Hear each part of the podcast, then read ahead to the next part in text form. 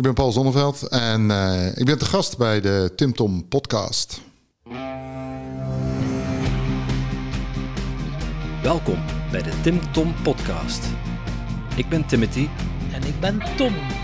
Samen zijn wij jouw GPS naar geluk en succes. Zo, Tom. We zijn in de hoofdstad van Nederland terechtgekomen. Amsterdam. Amsterdam, inderdaad. Het was, uh, ja, dus ik moet zeggen, toen we hier in de straat stonden, we hebben nog even een dutje gedaan buiten. Want uh, het is pittig. Het is intensief, hè? drie opnames per dag. Uh, ja. Onze tour in Nederland.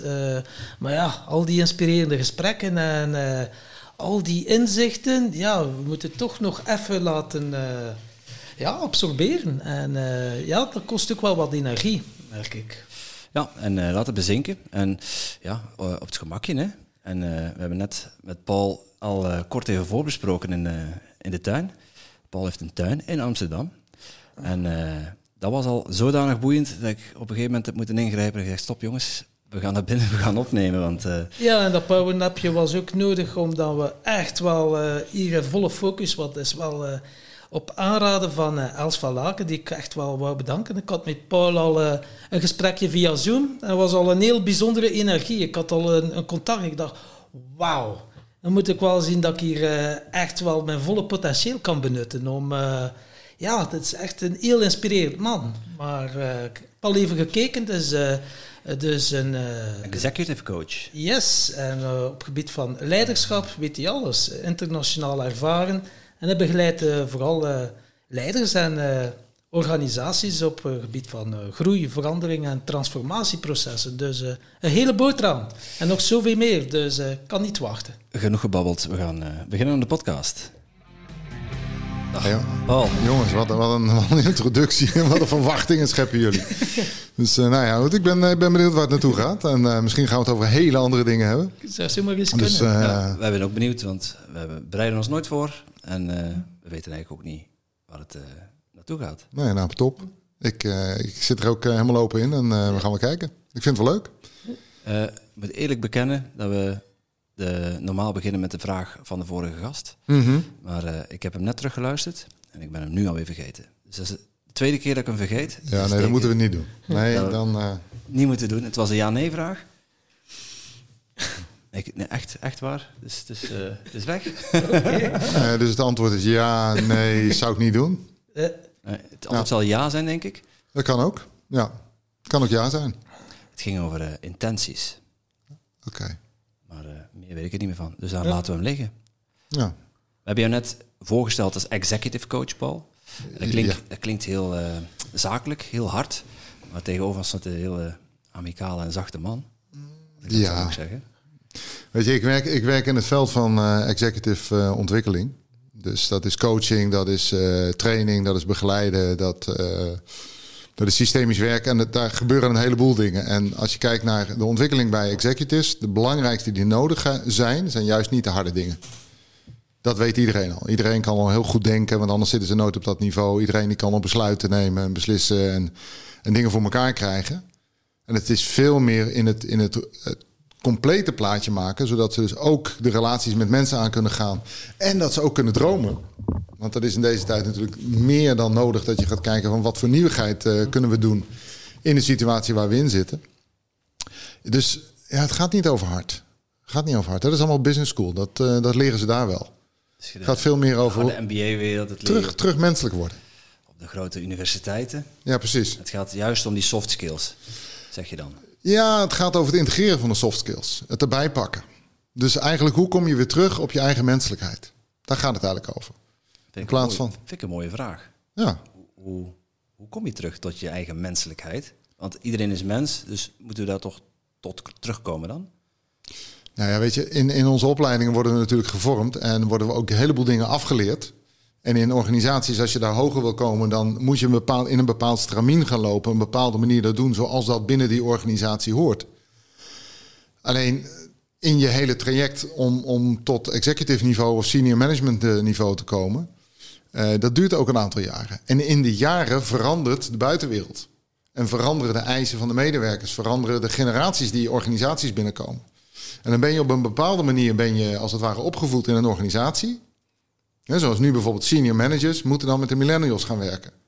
Dat is een hele andere generatie. Die eisen, die wensen, die eisen bijna hele andere dingen. Die eisen weer veel meer menselijkheid. Die eisen veel meer purpose-driven. Veel meer zingeving in bedrijven. Terwijl de senior managers heel veel opgeleid zijn van in resultaat. Dus je leert dingen af. Je leert dingen af. Ja. Kun je dat uitleggen? Nou, je leert uh, als, je, als je heel jong bent en je speelt gewoon als kinderen in een speeltuin, dan leer je relaties bouwen met elkaar. Dan leer je hoe, hoe grenzen werken. Hoe als een kind tegen een ander kind nee zegt, hoe werkt dat dan? Dus je leert je te verhouden met andere mensen. Nou, en als je dan binnen een corporate komt, binnen een grote organisatie komt, dan uh, zo doen we het hier. En dat zijn vaak hele andere manieren. Dan moeten we ineens heel vormelijk worden en dan kunnen we niet meer.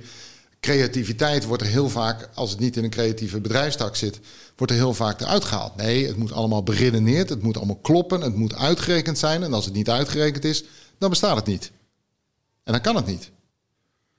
Terwijl creativiteit is de bron van innovatie.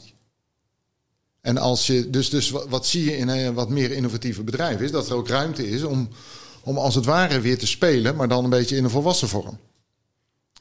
En dus, dus eigenlijk hebben we weer dingen terug te leren die ons afgeleerd zijn. Oké, ja. Ruimte om te spelen, dat triggert mij wel, moet ik eerlijk zeggen.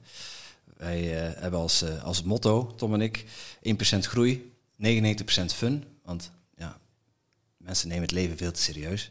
Ja. En wij ja, vinden dat we het allemaal wel wat minder serieus mag. Mhm. En niet dat we alles belachelijk willen maken, maar juist die speelsheid erin brengen. Uh, hoe pak jij dat aan bij, bij ondernemers en bij bedrijven? Ja, het begint, het begint vaak al in het, uh, in het eerste gesprek. Gewoon eens kijken van nou, wat, wat, wat, wil, wat wil je nou eigenlijk echt?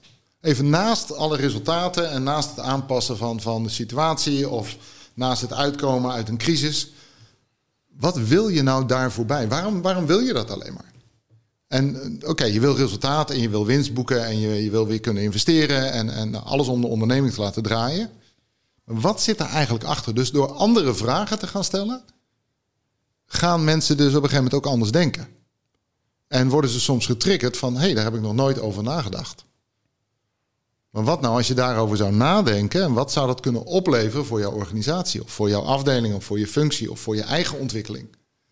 Dus het, begint al door een ander gesprek aan te gaan, door andere vragen te stellen. Wat, wat jullie ook doen, gewoon spontaan een gesprek aangaan en dan kijken van nou, wat, wat ontstaat er dan? En die ruimte maken. Een hele goede, een hele goede vriend van mij en, en iemand die mij ook wel daar daarin getriggerd heeft in mijn jonge jaren als, uh, dus in het bedrijfsleven. Die zei op een gegeven moment, hoeveel stilte creëer jij? En ik snapte niet wat hij bedoelde. Hoe bedoel je hoeveel stilte? Ja, hoeveel white space creëer jij? Ik zei, wat bedoel je nou met white space? Nou, dat je niks doet. Dat je gewoon tien minuten niets doet. Hoe vaak doe je dat? Nou ja, toen ik heel eerlijk moest zijn, dacht ik, ja, nooit. 10 minuten, 5 minuten ook niet. Want we hebben altijd wat te doen. Er moet altijd wat geregeld worden. Er is altijd wel wel. Nou, je kan altijd wel bezig blijven. Ik zeg, maar waarom zou ik 10 minuten niks doen? Hij zegt, waar krijg je nou je beste ideeën? Hm. Ik krijg er kippenvel van. nou, bijvoorbeeld, ja. weet je. Ja, ja dus... Ja, ja. Dus, ja ik heb het al een paar keer gezegd. Er is een verschil tussen weten en, uh, en begrijpen en, en toepassen. Je kunt het wel weten, en, en, maar het vervolgens nog altijd niet doen. Ik weet dat het goed is om af en toe stil te staan. Ja. Want als je alleen maar rent en rent en rent en nooit achter je kijkt, ja, dan heb je ook niet genoten van de reis. Dan weet je de weg terug niet, want je hebt alleen maar blijven gaan, blijven gaan. Ja. Dus je kunt ook nooit ergens terug naar terugkeren. Ik merk dat zelf heel erg, omdat ja, het is privé en zakelijk momenteel zo druk. Tenminste, ik maak het voor mezelf zo druk dat ik geen keuzes kan maken. Hè, dat is dan het patroon wat er dan uh, onder ligt. Uh, als je iets mee, mee bezig bent met persoonlijke ontwikkeling, kun je dat redelijk snel duiden, maar dat is nog niet opgelost. En op een gegeven moment is mijn lichaam zei tegen mij van, nee, stop ermee. Ja. Ik heb even een week bijna plat op de bank gelegen. Ik kon niet meer nadenken, ik kon me niet meer concentreren, ik kon, uh, ik kon eigenlijk helemaal niks meer. Ja. Een signaal van, hoep, even, even gaan liggen jongen. Ja, even burn-out. Even, ja, burn-out, als je het zo wilt noemen. Even, Kleintje. Ja, ben je plat op de grond. Ja. ja. En ja, als, je, als het al in je lijf zich manifesteert, dan heb je onderweg heel veel signalen genegeerd. Ja. Kun je misschien uitleggen hoe, hoe je die signalen kunt, eerder kunt herkennen? En hoe je kunt herkennen dat je eh, ja, die 10 minuten stilte, eh, dat daar het goud zit eigenlijk? Ja. Ja, weet je, kijk, ten eerste is het gewoon vaak kijken van wat gebeurt er in het gewone dagelijks leven wanneer je wel die inzichten, wanneer je wel nieuwe ideeën krijgt, wanneer je even dingen anders kan zien.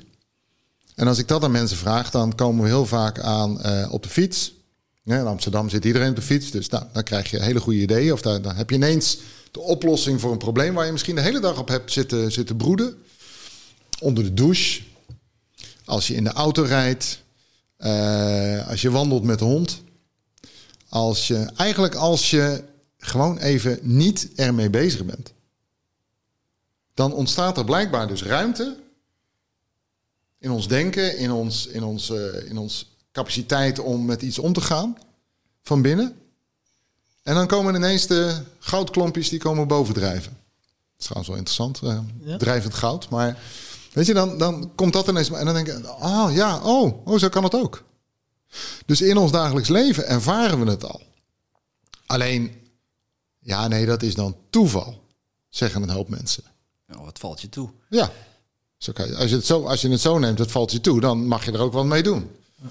Maar als zodra we een organisatie binnenstappen, of zodra we aan het werk gaan, want nu met alle thuiswerken gaan we dan hier aan het werk, dan doen we dat niet meer. Terwijl het ons daarbuiten eigenlijk heel vaak de oplossing dat je de volgende dag op je werk het weer kan toepassen. Maar in het werk gebruiken we het niet. Dus dat is eigenlijk vreemd.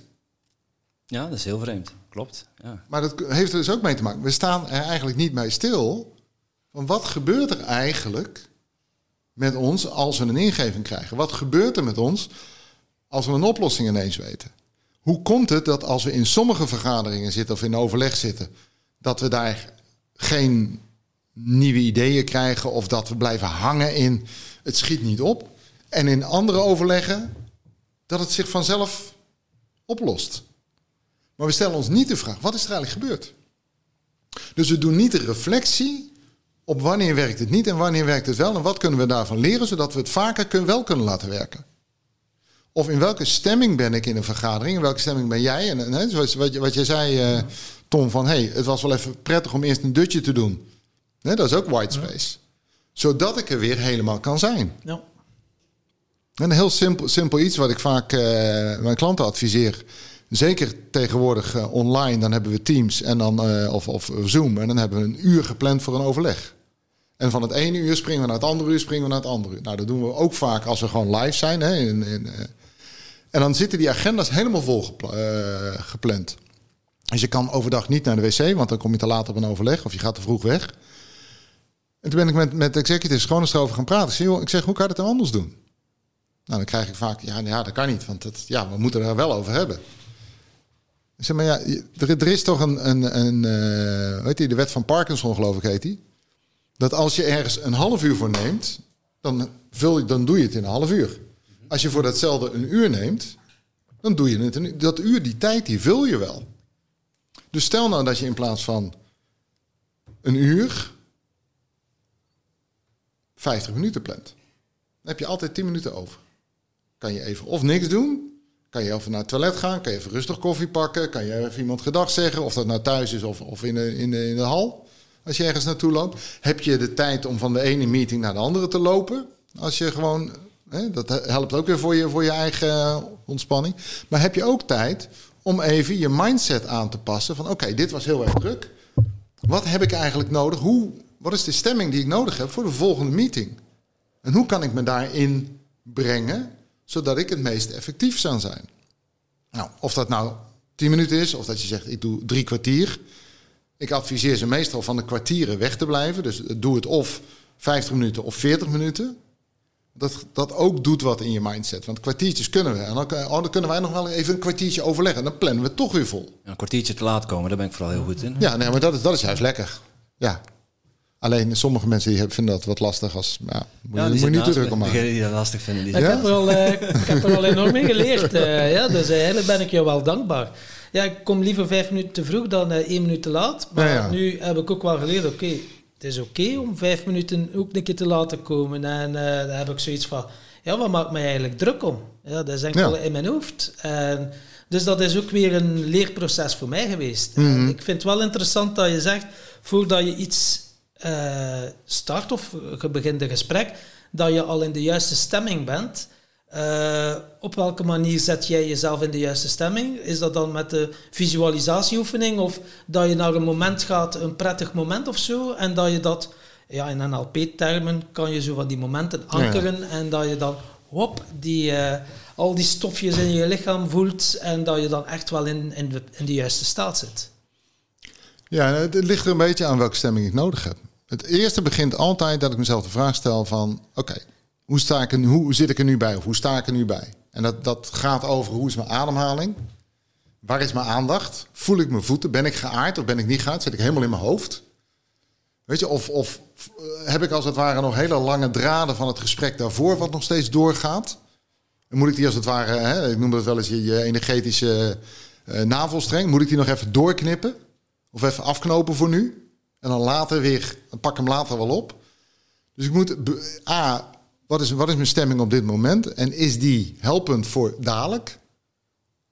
Wat, wat moet ik nog eventjes loslaten? Zodat ik het nieuwe onderwerp in kan stappen? En dan vraag ik me af, oké, en voor dit nieuwe onderwerp, wat gaan we eigenlijk doen? Wat is de bedoeling hier? Wat is, je noemde intentie in het begin. Wat is de intentie van dit overleg? Of van dit onderwerp? Moeten we het bespreken? Is het alleen maar een mededeling? Nou, dan hoef ik helemaal niks te doen. Of alleen maar mee te delen of, of te luisteren. Als iemand anders meedeelt. Eh, moeten we een besluit nemen? Ehm, wat, wat moet er gebeuren? En dan vraag ik mezelf, oké, in welke stemming is voor mij dan het meest helpend? Stel, ik moet het overleg leiden of, of ik, ik ben de coach. Nou, in welke stemming moet ik met deze klant zijn? Waar zijn we in, het, in, in de ontwikkelingsfase? En moet ik meer sturend zijn? Moet ik juist wat, wat, wat, wat meer de vragen stellen? Of gaan we vandaag heel erg een andere kant op? Ik stel één vraag en laat me komen. Dus ik ga heel erg in een luistermodus. En wat heb ik dan nodig? Dan moet ik dan misschien een ademhaling aanpassen. Dus het kan zijn dat ik ademhalingoefeningen doe. Dus als mijn ademhaling te hoog zit, dat ik hem naar beneden breng, meer naar mijn buik. Dat ik mijn aandacht breng naar mijn voeten en naar hoe ik zit op de stoel. Dus dat ik, dat ik me meer in mijn lijf breng in plaats van alleen maar in mijn hoofd.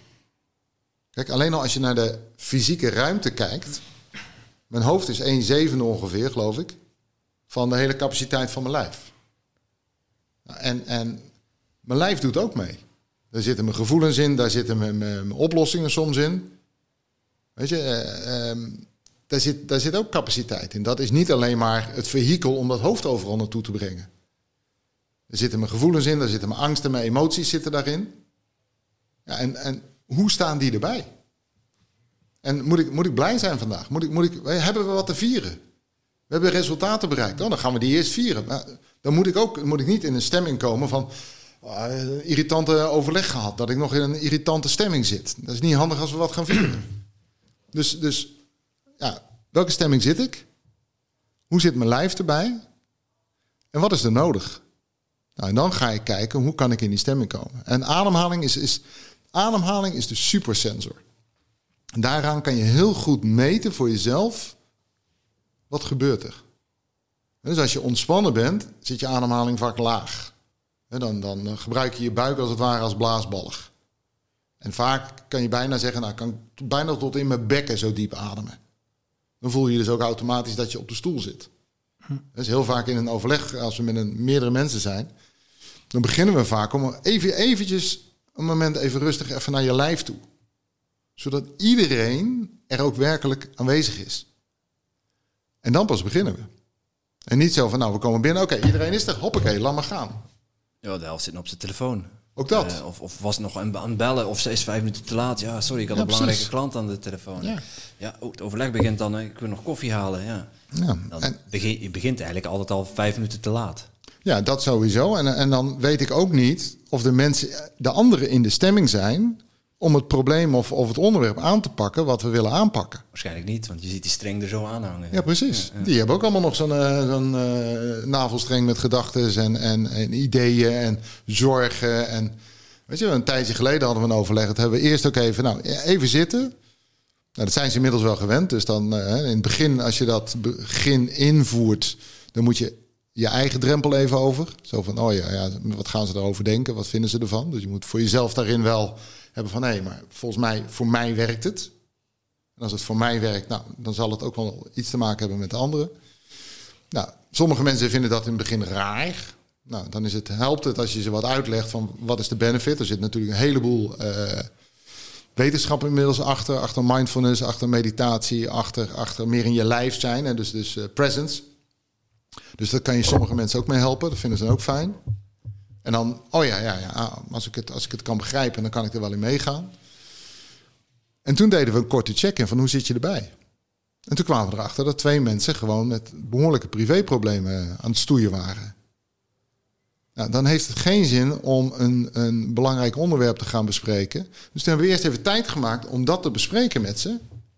Totdat zij zoiets hadden van, oké, nou vind ik even lekker. Dan heb ik dat in ieder geval kunnen zeggen dat als ik bijvoorbeeld het belletje krijg waar ik op zit te wachten, wat zenuwachtig uh, en me steeds afleidt, dat dat oké is om het gewoon op te pakken. Want normaal zeggen we telefoons uit en ook weg bij een overleg. Nou, jij, mag, jij hebt hem erbij, want jij hebt iets belangrijks te doen. En die ander had zoiets van, nou, weet je, ik vind het ook wel even fijn dat ik het even heb kunnen luchten. Want dan kan ik het nu eventjes opzij zetten. Ja, die anderen zitten zich te storen aan het feit... ja, daar ligt een mobieltje, daar ligt een mobieltje. Ja, precies. Uh, wat is hier aan de hand? We hadden afgesproken dat die... Uh, ja.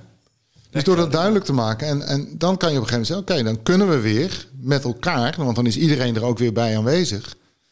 En dat is vaak voor anderen ook weer een voorbeeld om te zeggen: van ja, oké, okay, oh, jij vertelt eigenlijk iets heel privés, emotioneels. Ja, daar loop ik eigenlijk ook mee. Dus dat kan hier. Dat kan mij zo wel. Uh... Kwetsbaarheid. En Kwetsbaarheid, ja. ja. En uh, je creëert eigenlijk uh, wat, ze, wat tegenwoordig zo'n hot term is: psychologische veiligheid, hè? psychological safety waardoor mensen zichzelf kunnen zijn. Ik kan mij dan wel voorstellen, zo, ja, 50-plussers of zo, en je zegt, ja, je zult misschien niet zo in die bewoordingen zeggen, we gaan ademhalingsoefening doen of meditatie doen. Ja, Paul, uh, zweef maar weg met je bezem. Uh, hoe ga je daarmee om? Want ja, die, die oudere garde is toch wel uh, meditatie. Dan denken ze al dat ze een oranje gewaad aan moeten doen en dan ze op een berg moeten gaan zitten. Ja, een hoedje opdoen en zo. En, ja. Zonder kleren aan de regentjes dansen. ja, ja, precies. ja, wijsvinger op de duimen en zo omhoog houden en zo. Ja. Nou, weet je, ten eerste um, zou je verrast staan hoeveel. Want wij, hebben, wij hebben, doen ook um, executive breakthrough programma's. En dat zijn uh, nou, mensen 45 plus. Dat is allemaal CEO's of aankomende CEO's, ook voor grote organisaties. En um, hoe relatief makkelijk ze daarin meegaan ergens, en ik weet niet hoe dat precies werkt, ergens voelen ze dat ze het goed kunnen gebruiken. En ze komen, nou ja, en het andere punt is natuurlijk, ze komen bij ons omdat ze of aanbeveling hebben gekregen van anderen, of omdat ze gewoon echt ook hongerig zijn om wat erbij te leren. En wij hoeven ze niks bij te leren over hun vakgebied. Want anders waren ze niet senior manager, CEO geworden. Dat vakgebied, dat kennen ze wel. Het gaat meer om al die andere dingen. Hoe kan ik mezelf beter aansturen? Hoe kan ik anderen beter meenemen? Hoe kan ik ze meer inspireren? Dat is momenteel ook een grote vraag. En, en, en met het begin van COVID, hoe, hoe kan ik zorg dragen voor de ander? Sommige mensen hadden dat afgeleerd. Want je moest gewoon resultaat kan kadeng doorknallen. Dus het is verrassend hoe we denken dat die, daar, die zijn daar niet mee opgegroeid. Maar er is al aardig wat er wordt nu ook gezegd van reflectie is, is een van de allerbelangrijkste tools voor senior leiders. En dat is eigenlijk die white space waar we het eerder over hadden. En dat zie je in een heleboel business schools al, ook al binnenkomen. Maar ze merken, en, en om dan even terug te gaan in je vraag van ja, hoe doe je dat dan? Dat kondigen we niet veel aan. Gewoon door te doen. Oké, leg even alles weg. Leg je telefoon even weg, leg even alles weg. Voelen zijn, voel je je voet eigenlijk op de grond. Weet je, als we hier dadelijk beginnen, dan willen we graag dat we er allemaal zijn. Nou, voel even of je voet op de grond. Voel je ze gewoon. Nou, dat gaat heel snel. Mensen voelen. En dan hoeven we helemaal niet moeilijk te doen. Voel je ze echt van binnen, van buiten. Weet je. Die specificiteit is niet nodig. Want, want de, de stap is al zo groot. Weet je, en soms doe ik ook eens even, nou, jongens, we doen even wat geks. We beginnen even apart vandaag. Druk eens even omhoog van je, van je leuning, van je stoel. En voel eens even als je gewoon gaat, boem, of je zit.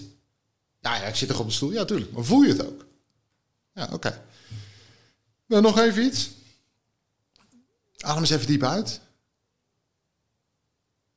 En adem eens even diep in. Gewoon langzaam, heel langzaam. Langzaam inhalen. Kijken wie het meeste kan inademen. En het langste.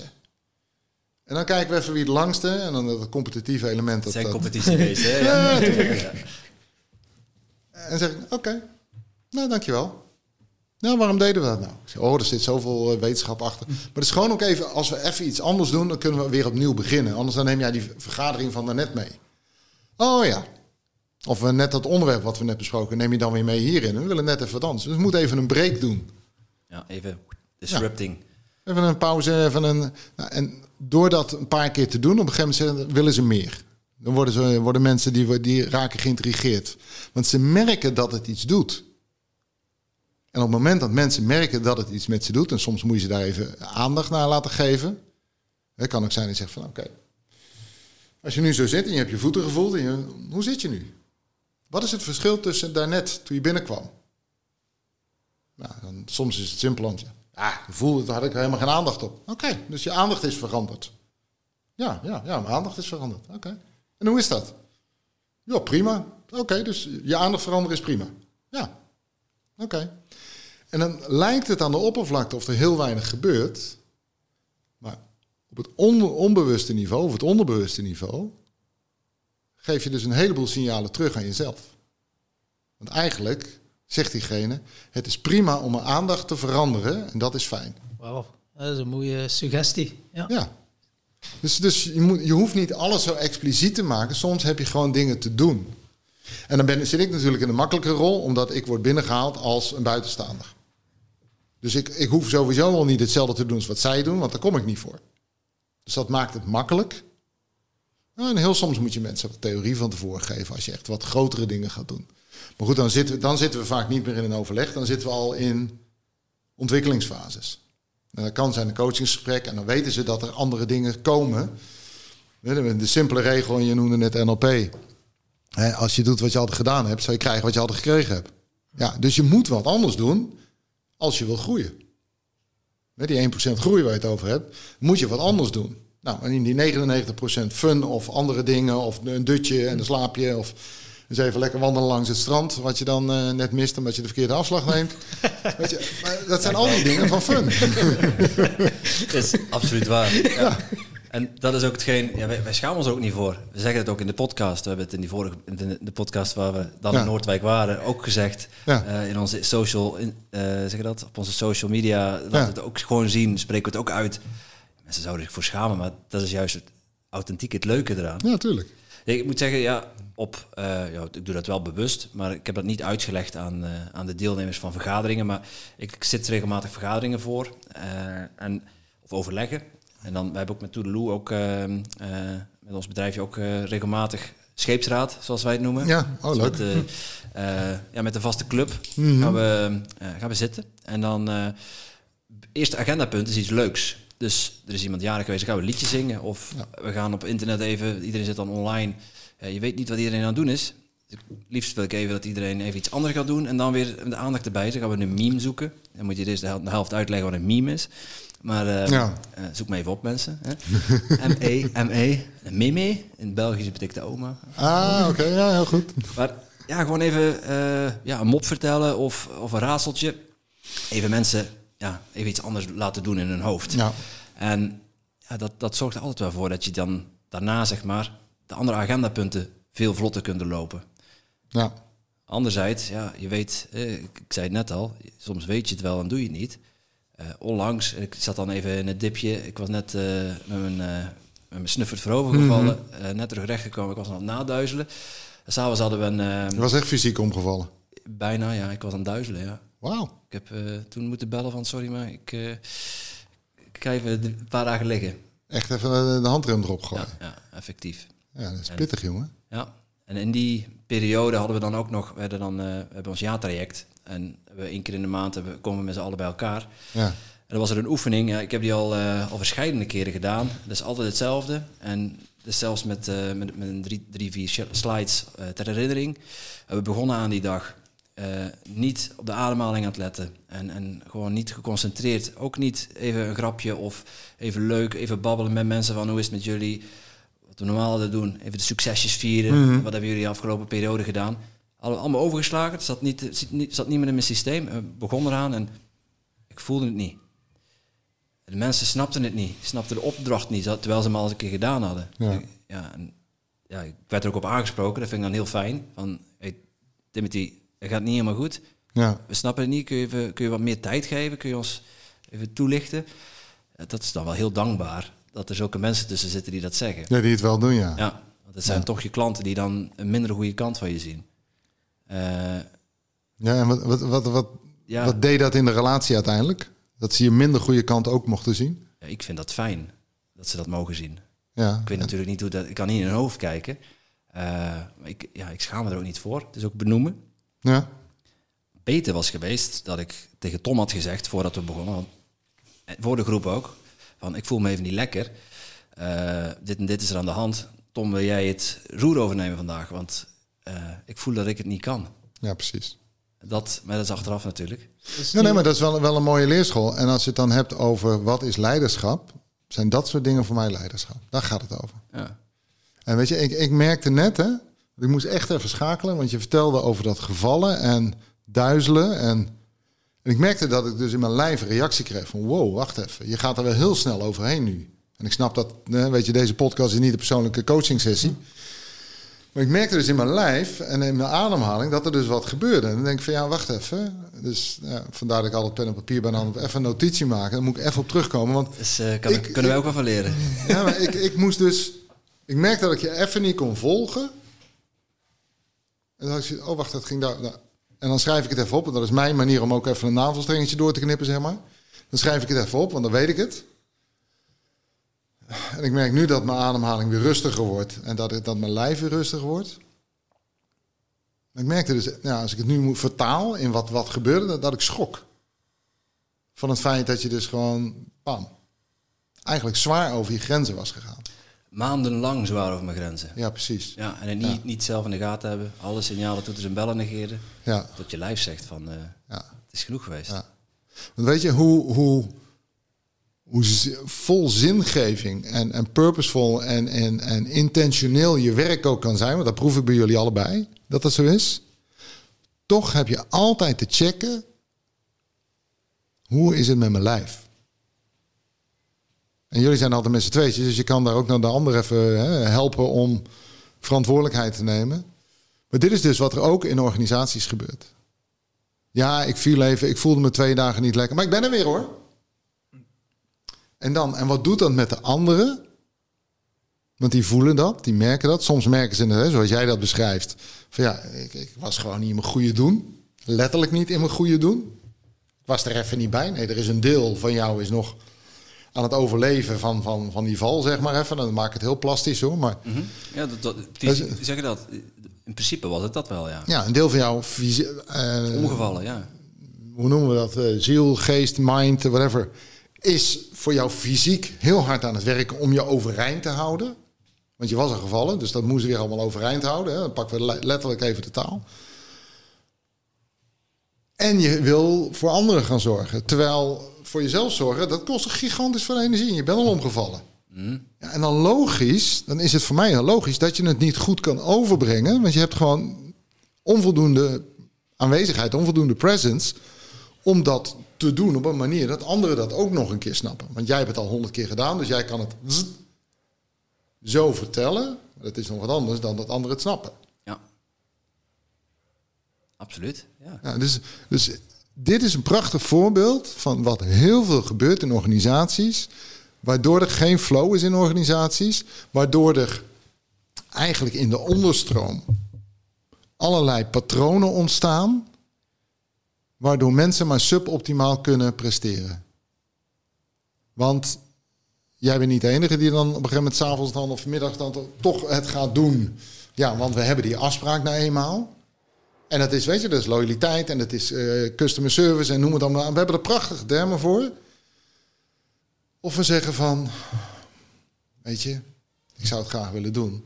Maar eigenlijk ben ik vandaag onderuit gegaan en ik kan je niet de kwaliteit leveren die ik eigenlijk wil leveren. Zullen we het verplaatsen? En we zijn vaak zo bang dat die vraag niet professioneel is. Terwijl, als ik hem aan jullie zou stellen, dat je heel makkelijk zou zeggen: ja, tuurlijk doen we dat. Tuurlijk verplaatsen hem. Joh, tuurlijk nee. Ja, als jij je kwaliteit niet kan leveren. En, en we hebben een, een werkelijk interesse in elkaar dat we samen willen werken. Tuurlijk kan dat dan ook een dagje later. Of een week later. Weet je, de aarde vergaat niet omdat we een dag later een overleg hebben. De aarde vergaat om hele andere dingen. Dan zullen we maar even niet in dat, uh, hè? dat rapport duiken wat net uitgegeven is. Daar hebben we een andere podcast over. Ja, precies. Weet je, maar, maar dit, dit, is, dit is dus de essentie van leiderschap. En als we dat onszelf niet toestaan, hoe doen we dat dan met mensen om ons heen? Als we mensen leiding geven. En wat staan we ze wel toe en wat staan we ze niet toe? Maar dan vinden we wel dat mensen 100% moeten geven op het werk. Terwijl we zelf ook niet 100% kunnen geven. En dus die, die white space, om daar weer op terug te komen, is ook een onderdeel om steeds weer te checken hoe zit ik erbij. Maar het is ook, en, en als, ik, als ik training geef, teken ik vaak op een flipchart. Dus jongens, er zijn twee manieren waarop het leven kan gaan. je kan eh, top willen presteren en dan teken ik een hoog op de flipchart teken ik een platte lijn. Ik zeg, je kan ook zo willen, eh, willen presteren. Hè? Een, een golflijn. Ja, dan, weet je, dan voel je misschien al dat de mindset die gaat naar die hoge lijn. Naar. Oh, ik, ik, zat al daar, uh, die golf. Maar... Ja, oké. Okay, ja. Het merendeel van de mensen, ik zeg, maar wacht even. Als we dit nu op een monitor zetten in een ziekenhuis. Dus als jij een flatliner hebt op een monitor in een ziekenhuis, wat is er nou, aan de hand? Echt, echt, echt op hoog dan hoor je piep. Precies, die. Of als je piep, piep, piep, piep, die golflijn hoort. Wat is gezondheid? En dan, en, dan, en dan zie ik er dus van alles gebeuren achter die ogen. En hoe creëer je dit nou voor jezelf, voor je teams? Hoe creëer je dit in je overleggen? Hoe creëer je dit in je agenda? Zodat je inspanning, ontspanning, inspanning, ontspanning. En of het nou mentaal is, of dat het nou fysiek is, of dat het nou spiritueel is, of dat het nou sociaal is, maakt niet uit. De rit het ritme van het leven uiteindelijk. Ja, hoe creëer je ritme? En niet alleen maar flatliners. Nee, nee ja, ik, ik, ik, zeg, ik ging aan op die golf, omdat uh, ik heel lang op die, op die piek gezeten had. Ja. En het is niet eens een piek. Ja, is een piek. Nee, ja, nee, dat is het niet. Nee, nee maar, dat, Dat, is, nee, maar dat, dat is precies wat er gebeurt. Mensen denken dat, dat die hoge constante, dat dat een piek is. Het is hooguit een plateau. Het is geen piek, want ja, anders zit Nee, want als je kijkt naar die, naar die golfbeweging, dan heb je dus pieken. Maar ze denken gelijk als we een dal hebben, dan zitten we... Ja, nee, je hoeft niet onder nul te gaan. Dat betekent gewoon misschien even rusten, even, even tijd nemen, reflecteren. Wat is er goed gegaan, wat is er niet goed gegaan, wat kunnen we hiervan leren? Dat is ook die white space nemen. In plaats van, oké jongens, we hebben een idee, we maken een plan, we voeren het uit. We hebben een idee, we maken een nieuw plan, we voeren het uit. Weet je, en maar, en maar door en maar door. En dat stukje van reflectie en wat kunnen we ervan leren niet oppakken, waardoor we dus ook niet groeien. Maar waardoor we het relatief steeds hetzelfde blijven doen. Nou, dat, kan je in allerlei dingen doorvertalen. Dat is het uiteindelijk. Je staat groeien, je gaat niet meer zo diep. En je, je gaat zo eigenlijk in golfjes. En je gaat een, stijgende lijn creëren met die golfjes. Maar er zijn herstelmomenten nodig. En ik heb uh, dat moment uh, gehad twee maanden voor hem, denk ik. En ik was ook constant over die grens aan het gaan. En ik wist het ook niet meer. Ja, hmm. Ik heb dan... Uh, ja, bang van, ja, ik moet die presteren. Ze kijken op en wat, ja, ik dacht dat ik zo belangrijk was uh, dat ik er echt moest staan. Tot wanneer dat ook niet meer ging. En ja, ik heb het al wel met een plantmedicijn. Was juist de ceremonie. En ja, mijn verslavingsstuk kwam naar boven. Hmm. En een drugsverleden. En dat was zo weggeduwd. Echt, oh, er zat zoveel schaamte op. Maar die plant heeft dat echt allemaal naar boven gebracht. Ik heb Ja. alles mogen doorleven en doorvoelen. Ik heb wel vier dagen niet geslapen. Maar het is allemaal uit mijn lijf gekost, alles. Maar ik voel mij nu 30 kilo liggen. En dan dacht wat deed ik mezelf aan om me zo blijven over die grens te gaan. En Ja, nu ja. voel ik van, oh nee, het gaat er niet. Maar zoals gezegd, die white space. Ah nee, gewoon in dat gevoel komen. Zo een waardevolle les geweest. En nu schaam ik mij ook nergens niet meer over. Oké, dat verslavingsstuk, keek naar porno, dat. Weet je, nu ben ik ook zoiets van, ik kan erover praten, omdat ik ook mens ben. En nu weet ik, ik ga hier nog heel veel mensen mee kunnen helpen. Ja. Heel veel mensen zitten in dat stuk en schamen zich erover, terwijl dat zoiets is van, het is menselijk. En het is ook om te vluchten of te verdoven, om dat werkelijk gevoel waar dat, al die schaamte op zit, die emotie, dat je verdooft, dat je niet wilt voelen, terwijl het wil gewoon gezien worden. En pas als je het ziet en gaat omarmen en je gaat het bestaansrecht geven, dan kan je het transformeren naar licht en Ja. liefde. En dat was voor mij, ja, nu al mede dankzij dat dankzij plantmedicijn, maar je kan dat ook zonder plantmedicijn. Weet ik nu. ja. Weet ik nu, maar ik had wel die les en die ervaring Ja. nodig. En daar heb ik, wauw, zo dankbaar voor. Ja. En ik voelde ook wel bij hem dat de energie aan het weg hebben was. Hij heeft een hele grote grens om erover te gaan. En hij zat echt Mooi wel in die overlevingsmodus. Buffer, ja. Ja. En hij had het wel al gezegd. Maar ja, dan zit je soms zodanig in je hoofd dat je toch niet hoort wat iemand anders zegt. Je gaat niet zeggen van, Timothy, nu gaat het stoppen. Ik had het misschien wel beter gedaan, maar dan dacht ik, nee, dan pak ik hem die ervaring af en ben ik een fucking grote egoïst. Ja, en, en, en tegelijkertijd is het ook, ook... Ja, het is ook spreken vanuit je hart om, om dat wel te zeggen. Dus, dus mensen Ja. hebben... die- iedereen heeft die struggle. En mensen zeiden het ook, hè, maar je hoort het niet. Ik hoorde niet eens wat ik zelf zei. Ja, Want precies. Tom die zei onlangs tegen mij van, ja, maar je hebt maanden geleden al tegen mij gezegd, zeg, je zit, ik zit zodanig te pompen en op, op, op een bepaald niveau te presteren, dat als ik, als ik nu, als er nu nog iets bij komt, als ik nu nog een duwtje krijg, Ja. dan ga ik kopje onder en dan is het voor een langere periode. Dat heb ik letterlijk gezegd. Dat kwam uit mijn mond. Dat zei ik tegen Tom. Dat kan ik me niet meer herinneren. Ja. Grappig, hè? Ja, het, het, het- het raakt bij mij twee dingen, hoor. En dat, dat, dat gaat dan even buiten mijn, eh, mijn werkveld. Weet je, mijn werkveld is ooit mijn werkveld geworden... door ook eigen ervaringen. Ik heb twintig jaar in, in, in, het bedrijfsleven gewerkt. En ik heb ergens, toen ik er... eh, Nou, wat zat ik erin? Een jaartje of tien? Ja. Heb ik een hele fikse demotie meegemaakt. Ik werd uit mijn functie ontheven waarin ik dacht dat we goed bezig waren, want we hadden fantastische resultaten. Maar de mensen waren niet blij in mijn team. Nou, dat zijpelde naar mijn baas en eh, nou, toen we een keer, ik dacht gewoon overleg hadden in Brussel. Toen eh, was het bij de koffie van eh, Paul. Vanaf volgende week ben je niet meer eh Benelux eh, ver- verantwoordelijk als, eh, voor sales en alles. En het klonk niet als een promotie. Dat was wel duidelijk. Die die zat er niet in zo van, nou, nou krijg je... Hè? Ik had dat wel, nou, als er iets was gebeurd, had ik dat verwacht. Want we hadden echt, we scoorden 20% elk jaar 20% boven target. En die waren al hoog. Maar dat was iets, een super blinde vlek in mij. En toen, toen gebeurden er een paar dingen. En dat heeft een heleboel dingen in werking gezet. Ik was, ik was bij dat bedrijf begonnen. Die begonnen net een nieuwe divisie in Europa. En, en ik was gevraagd om eh, via kennissen om daar een gesprek te doen. En, want een van mijn vrienden die zou daar gaan werken, maar die kon toch voor zichzelf een bedrijf beginnen. En die zei van, nou, misschien wat voor jou. En nou, zo was ik daar een beetje ingerold. En eh, we moeten straks nog even hebben over, onthouden even, eh, uit, invitaties en, en initiaties. Dat is ook een, gaaf onderwerp. Daar had ik vannacht namelijk over gedroomd, dat we het daarover moesten hebben. Eh, en dus ik, ik had daar het gevoel van, hier kan ik iets opbouwen. Hier kan ik iets neerzetten. Helemaal opnieuw iets nieuws molden, als het ware, in het Engels. Weet je, zo'n soort klei. Ik kan een eigen team bouwen. En ik kan eigen die business helemaal bouwen zoals ik dat zou willen. En met alle ervaringen die ik had.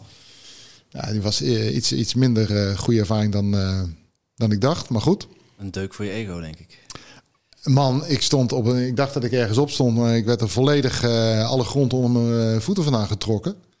Het enige wat ik nog wist na dat gesprek. Het was heel bizar. We hadden een, ik had een vooroverleg altijd met, met de Europees manager. De dag voordat we de internationale sales meeting in Brussel hadden. Dan kwamen alle collega's uit verschillende landen. En dus in die ochtend daarvoor kreeg ik dit bericht. Nou, je kan ook zeggen, pak de auto, rij naar huis en laat ze, laat ze doodvallen. Maar nee, ik was heel loyaal. Dus ik ging alvast naar het hotel. Nou, gelukkig kon ik in, eh, in mijn kamer al vroeg. En uh, toen rookte ik nog. Toen had ik ook nog een rookkamer. Die bestond ook nog. En, uh, en ik wist dat ik niet aan de alcohol moest gaan op dat moment. Maar er was zoveel gebeurd in mijn lijf, in, in alles. In mijn, hele ego-identiteit was, was nou, in elkaar gedonderd, dat hele huis.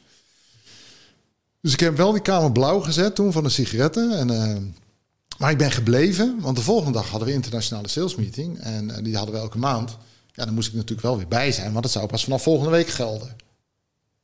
Nou, sommige collega's van mij die zeiden, joh, waarom was je daar? Maar goed. Dus ik was daar, uh, sales meeting gedaan. Het was nog niet aangekondigd dat ik, uh, dat ik uit mijn functie was ontheven. Um, en toen naar huis gereden. Nou, toen heb ik 2,5 uur uh, aan de telefoon gezeten met, met Anita, mijn vrouw. En weet je, ik, had, ik dacht echt, de dikke middelvinger vallen jullie maar met z'n allen dood. Want ik werk me helemaal het apenzuur. Ik, werk, ik werkte echt zeven dagen in de week. Ik had met Anita afspraak, nou op zondag dan uh, ruim ik, uh, die halve dag doen we dingen samen. Nou, dat werd ook nog vaak, als het een uurtje werd in het begin. Dus ik was helemaal gefocust op carrière, workaholic, noem maar op. En uh, toen had ik echt zoiets jongens, daar heb ik alles voor gegeven en bekijk het met je handel. Dus nou, Anita aan de telefoon en die stelde gewoon een paar vragen. Daar is ze erg goed in. Dan gaat ze niet mee in mijn geraas, meer raaskallen dan dan nadenken. En uh, toen zei ze, ja, weet je Paul, jij ging hier toch iets opbouwen? Ja, de, de, de, ja, mijn vader had gelijk, want, want die zei ook, je moet oppassen met de Amerikanen, was een Amerikaans bedrijf. Oppassen met de Amerikanen, zijn koppen snellen en dan lig je er zo uit en dan, uh, die hebben niks menselijks. En dat was zijn eigen vroegere ervaring. En op de een of andere manier gebeurde er bij mij, wat, wat jij net vertelde, bij jou nog niet gebeurde, is dat ik mezelf hoorde praten. En door die vraag zag ik ineens dat ik nog steeds hetzelfde deed als wat mijn vader had gedaan. Na zijn studie was hij bij een bedrijf gaan werken, had hij twee, drie jaar gewerkt en dan schoof hij door naar een ander bedrijf. En dat ja, was goed voor je cv. Tot hij bij een Amerikaans bedrijf had hij een hele mooie, mooie, uh, wat is het, een mooie rol. Uh, super resultaten, jaar op jaar op jaar. En op een gegeven moment had hij tegen de Amerikanen gezegd: Jongens, ik heb weer de prijs gewonnen, maar waarom komen jullie niet naar mij brengen in plaats van dat ik naar jullie ga? Nou, in de jaren 60 was dat nog wel een kleine fout. Dus dat, dat eindigde in een, in een gevecht, in een, in een ruzie. En toen zei mijn vader: Bekijk het met je handel, ik ga, ik ga. En ineens zag ik: Oké. Dus ik heb eigenlijk wel voor andere bedrijven op een andere manier hetzelfde ritme als mijn vader gedaan. En nu sta ik op hetzelfde punt waar hij zei, dikke middelvinger, ik ga. En toen dacht ik, oké, nu sta ik echt voor een echte keus. Volg ik het pad van mijn vader? En doe ik dikke middelvinger en ga ik? Of pak ik dit als een mogelijkheid om me helemaal opnieuw uit te vinden? En dan zal ik, eraan, dan zal ik er echt aan moeten gaan sleutelen. Dan zal ik echt moeten gaan kijken wat ik allemaal niet zie. Wat anderen wel zien. Wat niet voor anderen prettig is. Wat is mijn blinde vlek die ik eigenlijk zelf niet wil zien? Maar waar ik, en waar ik ook echt geen zicht op had. Ik wist echt niet wat er dan werkelijk fout was. Want mijn intentie, bedoelingen waren hartstikke goed. Een van mijn medewerkers zei later, ze zei van... joh, als manager vond ik je een klootzak... en als mens vond ik je hartstikke aardig. Dus blijkbaar was er een soort... Mismatch. Ja. Mismatch, een tweesplitsing dat op het moment dat we, dat we zeg maar aan, het, aan, uh, aan tafel aan het eten waren na de vergadering, of als we een biertje dronken of wat dan ook, dat ik hartstikke leuk en gezellig was. En zodra we over werk hadden, dat er dus ergens bij mij iets gebeurde.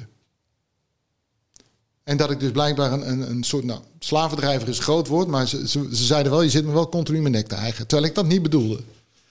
Achteraf heb ik geleerd dat het mijn eigen onzekerheid was. En dat ik dus alles wilt weten en, en micromanagen en noem de hele rattenplan maar op.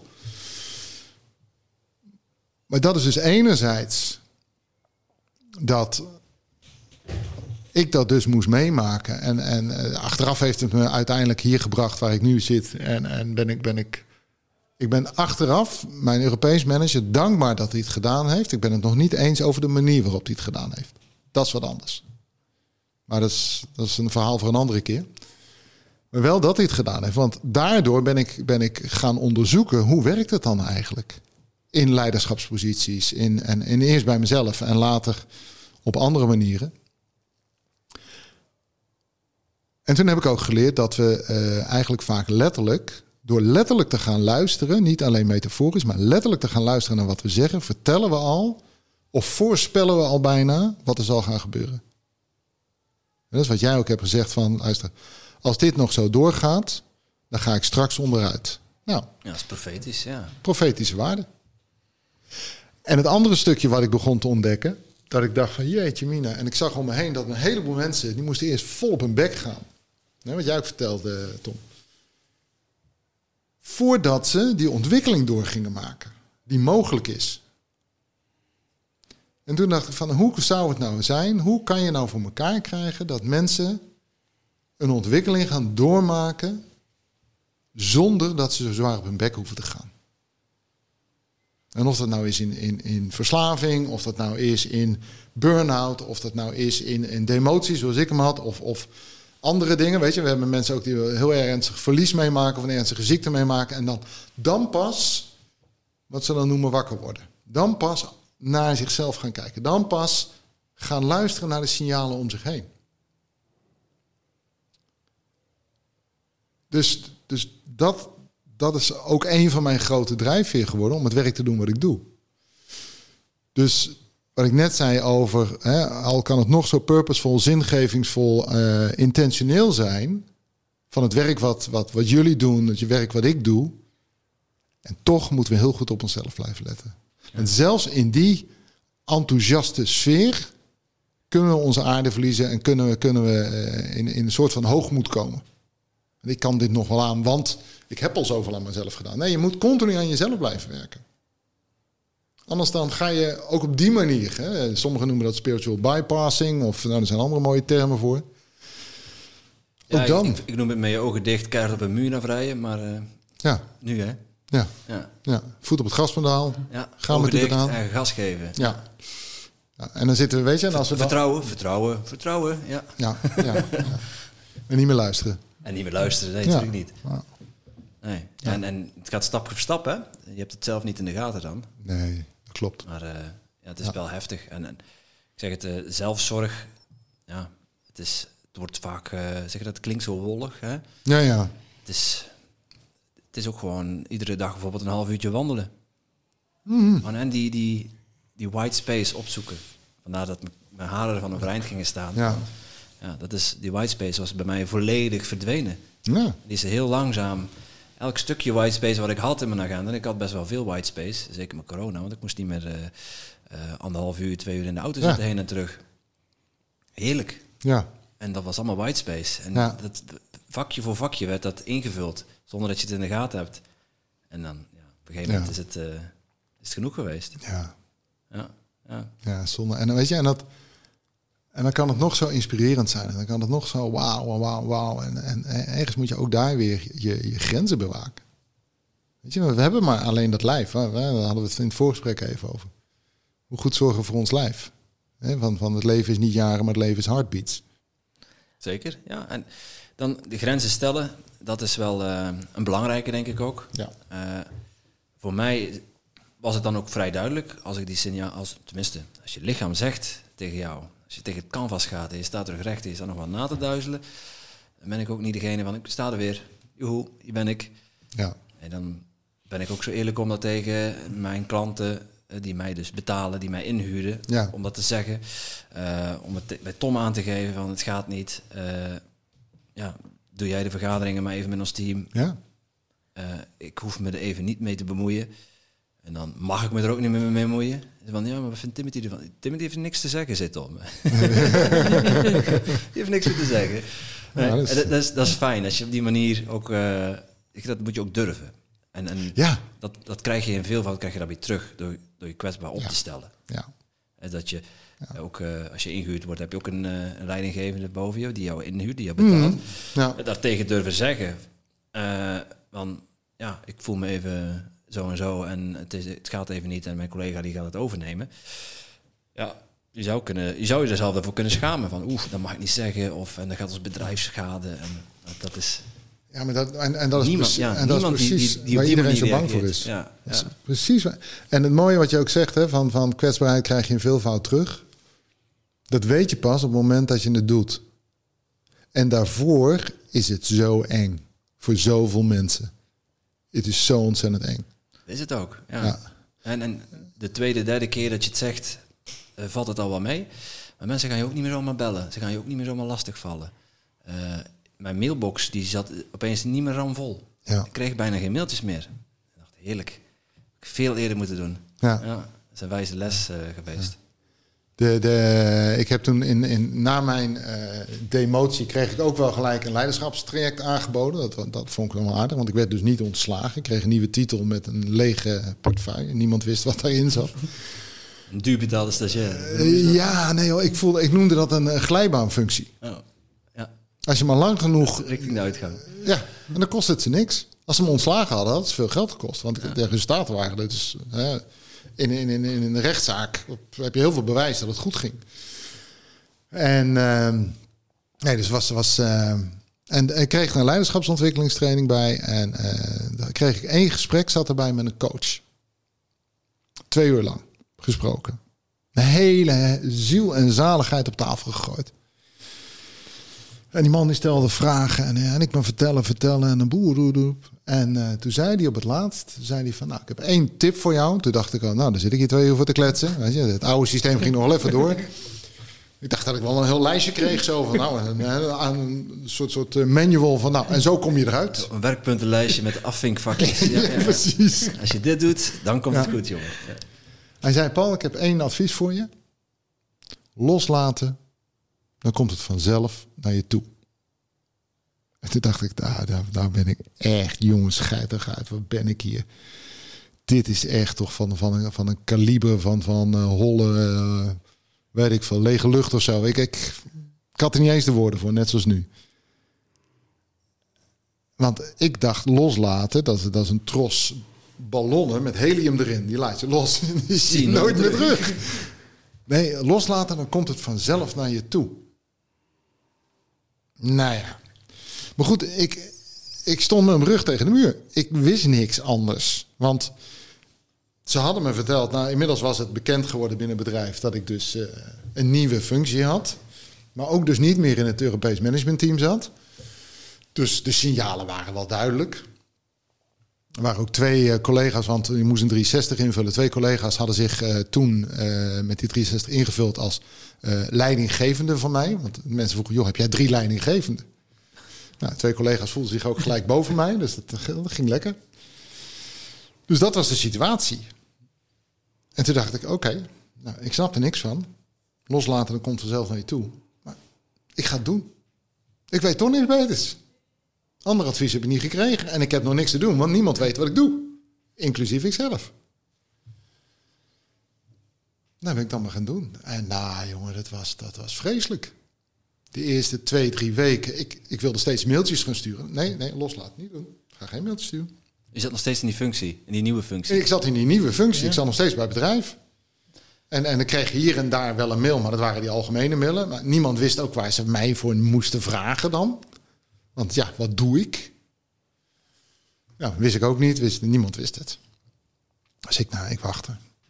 En op een gegeven moment, na 2,5 week, krijg ik ineens een mailtje van een collega. Ik had wel van die mailtjes gehad van hoe is het met je en dat soort dingen. Maar zakelijk werk, niks. En die zegt, goh Paul, ehm, we gaan een nieuw project opstarten en eh, ik zou het fijn vinden als je erin mee komt doen. En toen dacht ik, ja, nou dat is wel heel gaaf. Hè? Iemand weer bij, vraagt me weer. Toen dacht ik, ja, maar dan ga ik vragen terugstellen. Ik zie, joh, weet je, ik heb net eh, dit allemaal meegemaakt.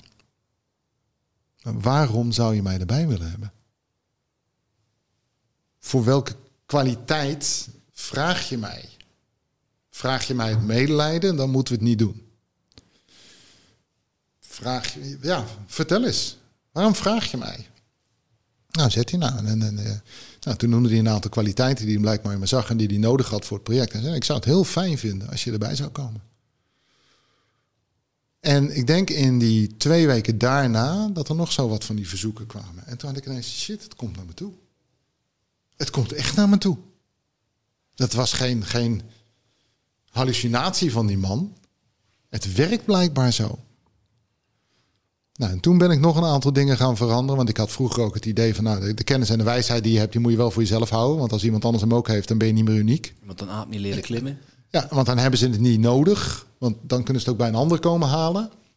Dat is trouwens een oude die laatst ook weer even langs kwam. En toen heb ik een, een motto verzonnen. Ik denk van, ehm, ja, misschien als ik die ga steeds maar uitspreken of steeds maar schrijven of doen, gaat dat misschien ook wel zo werken. En toen heb ik het motto verzonnen: Sharing is growing. En ik heb dat onder mijn officiële handtekening. Weet je, in zo'n corporate uh, bedrijf heb je zo'n vaste handtekening. Dat heb ik onder, of net boven mijn naam en een uh, Sharing is growing, Paul Zonneveld, bla bla bla. En dat stond dus onder elke mail die ik vanaf dat moment stuurde.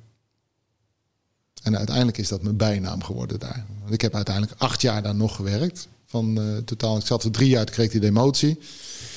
Ik werd uiteindelijk ook nog verantwoordelijk voor, uh, voor alle uh, training en ontwikkeling daar. Dus ik mocht ineens alle mensen gaan opleiden. Terwijl ik in het begin van de mensen afgehaald werd, bij wijze van spreken. Dus er was wel wat gebeurd. En toen had ik ineens van, oh. Maar ik ging ook ineens anders kijken naar de wereld. Dus als ik een idee had, dan opperde ik het. En dan gaf ik het aan iemand. Dan zei ik van, misschien kan jij er wat mee. En, en toen begon er dus een hele andere spiraal te ontwikkelen. A, doordat ik bewust was van wat er wel werkte, wat er niet werkte, aan mezelf en aan mijn manier. En dat ik dus ook was gaan kijken van, oké, en hoe kan ik het samen met mensen gaan doen?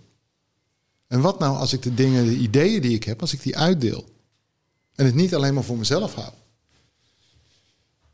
En dus werd ik op een hele andere manier kreeg ik een plaats in die organisatie.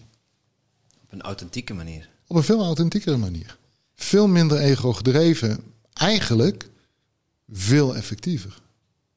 Want ik, kreeg, ik, werd toen, ik werd toen uiteindelijk werd het uh, business-to-business development uh, wat ik ging doen. En dat ontwikkelde zich ook omdat ik daar ideeën ineens over kreeg. En, en toen zei ze, ja, nou, waarom ga je het niet zelf doen? Nou, en dat liep als een tierenlier. Dat bleek schottende roos, want dat, dat bleek nog veel beter bij mij te passen. En toen kwam die, die training en ontwikkeling. En een van, van de andere Europese leiders die had gezegd: joh, is niks voor jou. Zie ik jou wel doen. Nou, dat bleek ook schot in de roos. Nou, en zo, zo eigenlijk begon ik daar eigenlijk mijn nieuwe leven al. Voordat ik daarna, eh, want op een gegeven moment was ik daar echt klaar. En waren we rond met elkaar en een half jaar eh, bij het bedrijf. En toen ben ik voor mezelf begonnen. En, en daar is het eigenlijk allemaal gestart. Maar ook door veel meer te gaan luisteren naar wat ik... Hè, enerzijds mijn lijf, hè, in het begin hadden we het over. Mijn lijf, mijn ademhaling. Eh, de, de, fijngevoeligheid, die, die ik nog steeds verder aan het ontwikkelen ben. Um, veel meer voelen van wat gebeurt er tussen, tussen ons ook, zoals we hier zitten. Um, maar ook veel meer kijken van, van uh, ja, wat, is, wat is er werkelijk nodig? Heel veel uh, mensen zijn bang voor te voelen. Dat heb ik nu ook begrepen. Hey, nu heb ik ook begrepen dat ik HSP heb, maar nu ga ik het als mijn kracht inzetten. Want ik zei altijd vroeger, dat kan ik niet zo alleen thuis zitten. Ik ben iemand die sociaal is, ik moet mensen rondom mij hebben. Maar dat was altijd een vlucht, want ik durfde de confrontatie niet aan met mezelf. Ik durfde gewoon die stilte niet toelaten. Natuurlijk ging je dan drinken en van alles doen om afleiding te hebben, televisie kijken, noem maar op. Enkel en alleen, oh nee, voelen, dat is veel, uh, daar ben ik veel te bang voor, heb ik nu begrepen. Uh, maar uiteindelijk, als je het durft toelaten, gaat er een hele nieuwe wereld open uiteindelijk. Ja. ja. Nou ja, en, en dat is dus, hè, als we weer terugkomen bij die executives. Onbewust is sommige van hen dat al afgeleerd, heel vroeg. Ik kom veel meer mensen tegen die, die uh, veel sensitiever zijn dan ze zichzelf beseffen. En misschien waren ze dat als kind ook wel, maar ja, dan kwamen ze met allerlei verhalen dat de ouders zeiden: Ja, uh, is leuk hè? Ja, ja, fijn gedroomd vannacht? Ja, goed zo. Nou, gaan we nu weer sommetjes maken. Dus, dus waar, waar dat als het ware niet verwelkomd werd. Maar ook als mensen in bedrijven rondlopen en ze gaan werkelijk voelen wat daar gebeurt. Ook in gesprekken, ook in relatie. Dat ze dus ook heel vaak over hun grenzen heen gegaan wordt. En dat ze dus moeten, iemand moeten zeggen: joh, dat vind ik helemaal niet leuk, de manier waarop je dat doet. Maar dan ga je dus wel de relatie aan. Maar dat is het bloedje spannend voor sommige mensen. Dus, dus om daar een schil omheen, hè, we noemen dat dan de business persona. Hè, dan, uh, vroeger was het uh, pak en stropdas. Maar uh, nou, hoe gedraag ik mij binnen het bedrijf zodat anderen, hè, zoals ik denk dat anderen vinden dat ik me moet gedragen. like a silverback. Ja, ja. ja. Nou, dan krijg je vijanden. Ja, precies. Ja. Maar, dan, dan, maar dan moet je dus ook een heel stuk van jezelf inleveren. Maar dan hoef je ook niet te voelen wat er werkelijk is. En dan hoef je dus ook niet te voelen dat ze over jouw grenzen heen gaan. Want dan hoef je tenminste ook ze niet terug te confronteren met het feit dat wat zij doen, dat je daar niet blij mee bent. En zeker als we dan in een hiërarchie zitten, hè, van leidinggevende en, en medewerker bij wijze van spreken. Ja, dan moet ik tegen mijn leidinggevende zeggen dat ik dat niet leuk vind hoe die dat doet. Ja, ja ik, ik, ik durf dat wel. Ik doe dat ook. Ja, mooi. En uh, anderzijds ook uitspreken naar, uh, naar anderen. Dat is, wel, dat is wel even zoeken als je zelf in die, die leidersrol zit. Om dan... Um, ja, ik, ik, geloof in, tenminste ik geloof, ik, uh, ik vind iedereen gelijkwaardig. En ja, ook mensen waar je leiding aan geeft, zijn voor mij gelijkwaardig. Mm -hmm. staan ook voor mij op hetzelfde niveau. Alleen, dan kun je, ja, wij, hadden dat, wij hadden dat heel erg. Uh, twee kapiteins, we zitten dat te roeien in ons bootje. En ons bootje was veranderd in een zeilschip. Ja. Maar wij maar roeien. Ja, dan staat er uh, vijf man op het dek uh, naar elkaar te kijken en naar ons te kijken. Van, gasten,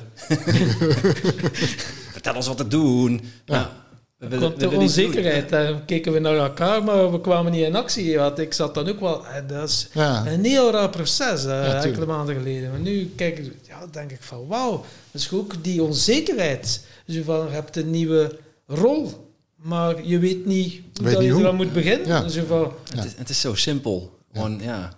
Ja, en, en weet je, je zei net iets van uh, iedereen is gelijkwaardig en iedereen is gelijk. Daar ben ik het niet helemaal mee eens. Iedereen is wel gelijkwaardig. Dat ben ik helemaal met je eens. Maar niet iedereen is gelijk. Nee, nee maar dat dacht ik dus. Ja. Want nee, er, er is een, altijd een ordening. En dan gaan we, dat, dat is wat dieper in het, in het systemisch manier van kijken naar organisaties. Maar er is altijd in ieder geval een ordening. Al is het alleen al in verantwoordelijkheden. En jullie hebben verantwoordelijkheid samen over het totaal. En die anderen die erbij zijn, over, waarschijnlijk over onderdelen. Nou, dat is een verschil. En dan moeten jullie dus niet op hun plekje gaan zitten roeien. Nee, dan moet je zorgen dat ze goed kunnen roeien. En dat ze de goede materialen hebben en dat ze de ruimte hebben en dat ze erover na kunnen denken of wat er ook nodig is. Ja. Maar dat is dus inderdaad. En dat, en dat is een uitdaging, want dat betekent dat jij je verantwoordelijkheid, oftewel je plek moet nemen. En dus ook die ander dat moet gunnen. En dan, uh, wacht even, ik ben begonnen, want uh, oh, dit vind ik leuk en dit kan ik goed. En nou wordt het zomaar een bedrijf. Ja, een, een executive, uitvoerend. Maar je doet geen uitvoerend werk. Nee. En dat is zo'n zo'n misvatting. Dat is een kortsluiting in mijn hoofd ook van, hè, kan dat toch? Ja. Maar ja, daar zit het in. Ja. In die, ja, het begrip. Ik moest jou even herinneren nog aan, uh, aan jouw droom. Uh, invitatie ja. en uh, Initiatie. initiatie. Initiatie. Ja. Weet je, de, um,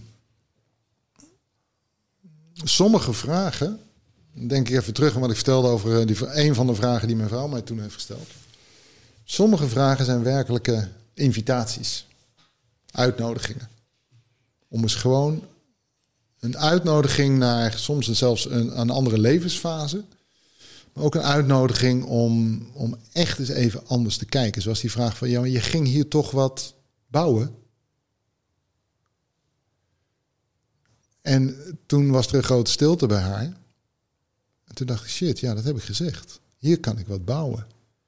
En nou zou ik na drie jaar zou ik dat dus weggooien.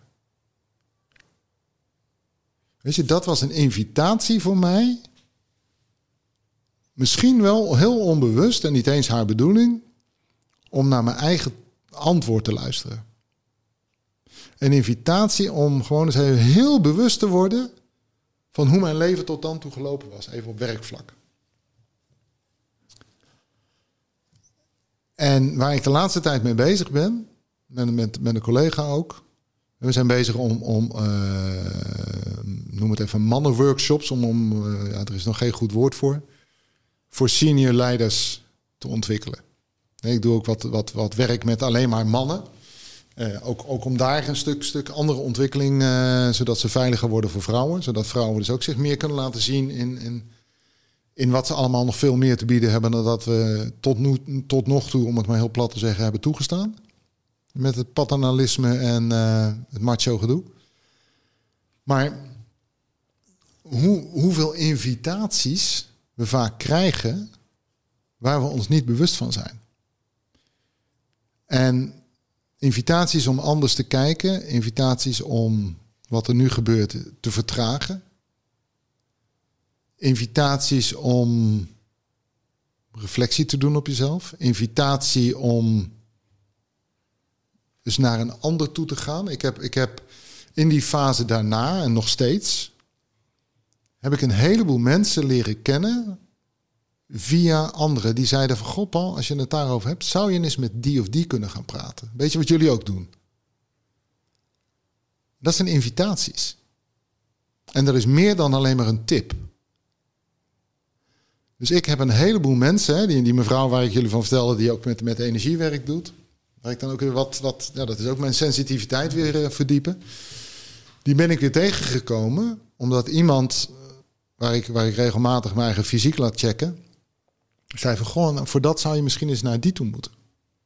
Maar die mevrouw waarbij ik mijn fysieke lijf laat, laat uh, checken, en die, die ook een soort supervisie aan mij weer geeft, die mij ook weer op het goede pad houdt, zeg maar. En met allerlei lastige vragen waar ik dan weer mee aan de slag moet. Die ben ik weer tegengekomen weer via een collega. Weet je, dus allemaal uitnodigingen om nou, daar waar je mee bezig bent het te verrijken. Of, en op het moment dat wij, eh, die collega en ik, over invitaties begonnen te praten. En terug gingen kijken naar, naar nou, noem het even naar je leven tot nog toe. Ontdekten wij dat wij ook mensen waren tegengekomen die al een invitatie hadden gegeven waarvan we op dat moment niet wisten, niet door hadden dat het een invitatie was. En, en invitaties kunnen uiteindelijk leiden tot een initiatie. Een initiatie is echt dat je ergens in, in een, een ervaring wordt uitgenodigd, wat je, wat jij zegt met dat plantmedicijn. Dat is, dat is meer een initiatie in een breder kijkveld om te gaan zien, een breder veld om te gaan ervaren. Een, een andere dimensie waar dat je het kan overschouwen uiteindelijk. Dat, ja. En wat wij ook met die mannengroepen doen, we doen dan geen initiatie als dat dat vroeger ging, maar het is wel een initiatie om te gaan ervaren dat als je met alleen mannen bent, dat dat niet alleen maar gaat over houthakken, voetbal, seks en bier. Zeker niet. Maar dat je daar dus hele andere kwaliteiten kan ontdekken met elkaar, maar ook heel veel dingen kan oplossen met elkaar. Waar je anders niet een plek voor hebt. Wat, je niet, wat, wat niet een gesprek is wat je hebt met vrouwen. En niks ten nadele van vrouwen, maar zodra de mannen bij vrouwen komen, gaan we ons anders gedragen. En dat geldt andersom ook, vrouwen bij mannen komen. Op het moment dat je of alleen vrouwen bij elkaar hebt, ontstaat er een bepaalde andere bonding, zeg maar, een andere samen zijn. En dat geldt ook zo voor mannen. En als je daar dan wat gaat doen met elkaar, dan kan dat leiden tot een initiatie. Waarin dus een verandering in jou optreedt, of het oplossen van een probleem, of het oplossen van, van oud verdriet, of nou, we hebben al, al van alles meegemaakt. Waardoor je leven werkelijk verandert. Het is alsof een stuk dat naar boven komt. De laatste deed ik een familieopstelling. Mm er kwamen dingen, uh, uit respect voor mijn ouders ga ik nu er niet dieper op in. Er kwamen dingen naar boven. Ja. Wauw, die puzzelstukjes. Oké, het is daarom dat ik mijn grens niet kon staan. Het is daarom dat ik aan het pleasen ben. Het is daarom dat mijn pa hem volledig heeft afgesloten. Dat, wow, dat kwam eerst als een koude rilling en ik voelde... Ja, maar dat klopt. Dat was zo duidelijk. Bij mijn ma dan ook. Tuurlijk. En dan dacht ik van, wauw, dat was die vrouw die dat deed. Die ging dan zo, ja, je zal het ook wel kennen. Ja, ja, ja. Dus uh, ja, dan ging ze er op die plek staan en dan dacht ik, wauw, maar dat is precies mijn... Dat is niet normaal. Ja. Dat was zo crazy.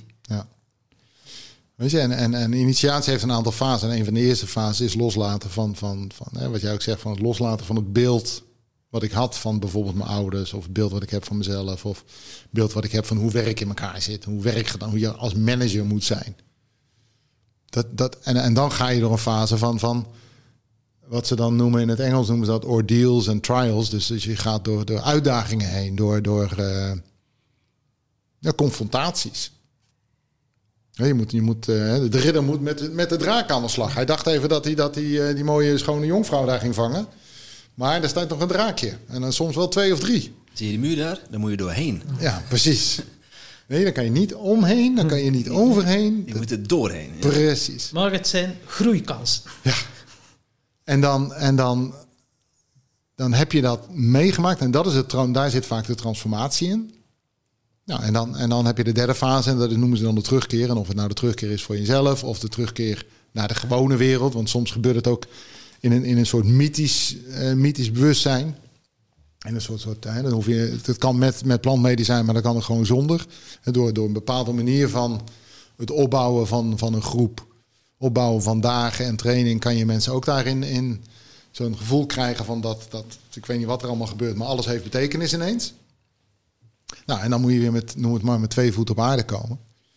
Maar het begint altijd met de invitatie. Wie heeft jou ooit voorgesteld van, nou, nou misschien een keer een opstelling doen? En dan kan dat misschien ergens een plekje in je, in je geheugen hebben gekregen, maar je hebt nog niet gelijk een actie. Maar diegene heeft het eerste zaadje geplant. En om zo naar dingen te gaan kijken, ook in, ook, ik ben er nu ook mee hoe, doen, hoe ga je dat dan doen in bedrijfsleven? hè? Dus veel meer dingen bewust maken van, wat doen we eigenlijk op het moment dat we iets zeggen? Wat doen we eigenlijk? Hebben we mensen werkelijk uitgenodigd? Daar ben ik nu met, met managementteams mee bezig. Hoe zijn jullie uitgenodigd om deel te nemen hier? Ja, je krijgt promotie en zei, nou, dan hoor je ook bij het managementteam. Dan hoor je ook bij de exco. Dan hoor je ook bij, nou, Hoe komen wij hier te zitten? Want eerlijk gezegd, wel, ik wist niet wie Paul Smit... Of eh, wie... eh, Paul Zonneveld was. Paul ja. Zonneveld. We hadden gisteren met Paul Smit. Ja. Ik, ik wist het niet. Ik wist niet wie Paul Zonneveld was. Ja. Ik zeg, kijk naar Tom. Ik zeg, als van Laken. Die had ons aanbevolen om hier naartoe te komen. En dat is zo'n... eh, Dat is een dat is invitatie. een invitatie. Ja. En we hebben een spiritueel leraar, ehm, Dirk Oeliebrand, wederom in de podcast met, met Wouter Torfs, even een name dropping, woehoe. Eh, die, eh, wij vroegen aan hem van, eh, aan wie heb jij heel veel gehad? Aan wie, wie Ja. draag jij een warm hart toe? En hij zei Dirk Oeliebrand. Ik zeg, wij moeten naar Dirk Oeliebrand. Ja. En voordat we bij Dirk Oeliebrand waren geweest, hadden we ons al ingeschreven voor zijn, eh, voor zijn jaartraining. Ja, ja, ja. En over een paar weken ga ik naar Zuid-Frankrijk om daar een initiatie te doen. ja, ja, Live initiation. ja, Het kan heel raar lopen. ja. En dat zijn wel die signalen waar je waar je, je antennes voor moet ja, ontwikkelen, en, maar ook daar klaar voor moet zijn. Ja, en dur- en durf je ze te volgen, ook al weet je nog niet wat er gaat komen. Dat, dat is... Ja, want dat is, dat is misschien wel een wijze les, inderdaad. Want ik begrijp helemaal niks van wat Dirk Oeliebrand vertelt. Ja. Ik onderga het en ik ervaar het. Dat, was, Mhm. dat waren zijn eerste woorden. Nee, dat waren, ze, dat waren ze- zijn laatste woorden in onze podcast. En dat was een onbewust niveau ook gewoon een signaal van... Ja. eh, je hoeft het niet te begrijpen. Als je het niet begrijpt, ervaar het gewoon. Ja. Die voelspriet ontwikkelen, Paul, voor ehm, ja, invitaties. Hoe doe je dat?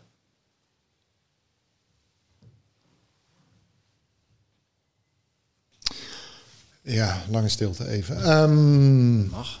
ja, nee. Hoe ontwikkel je dat? Dat is een mooie vraag, zeg.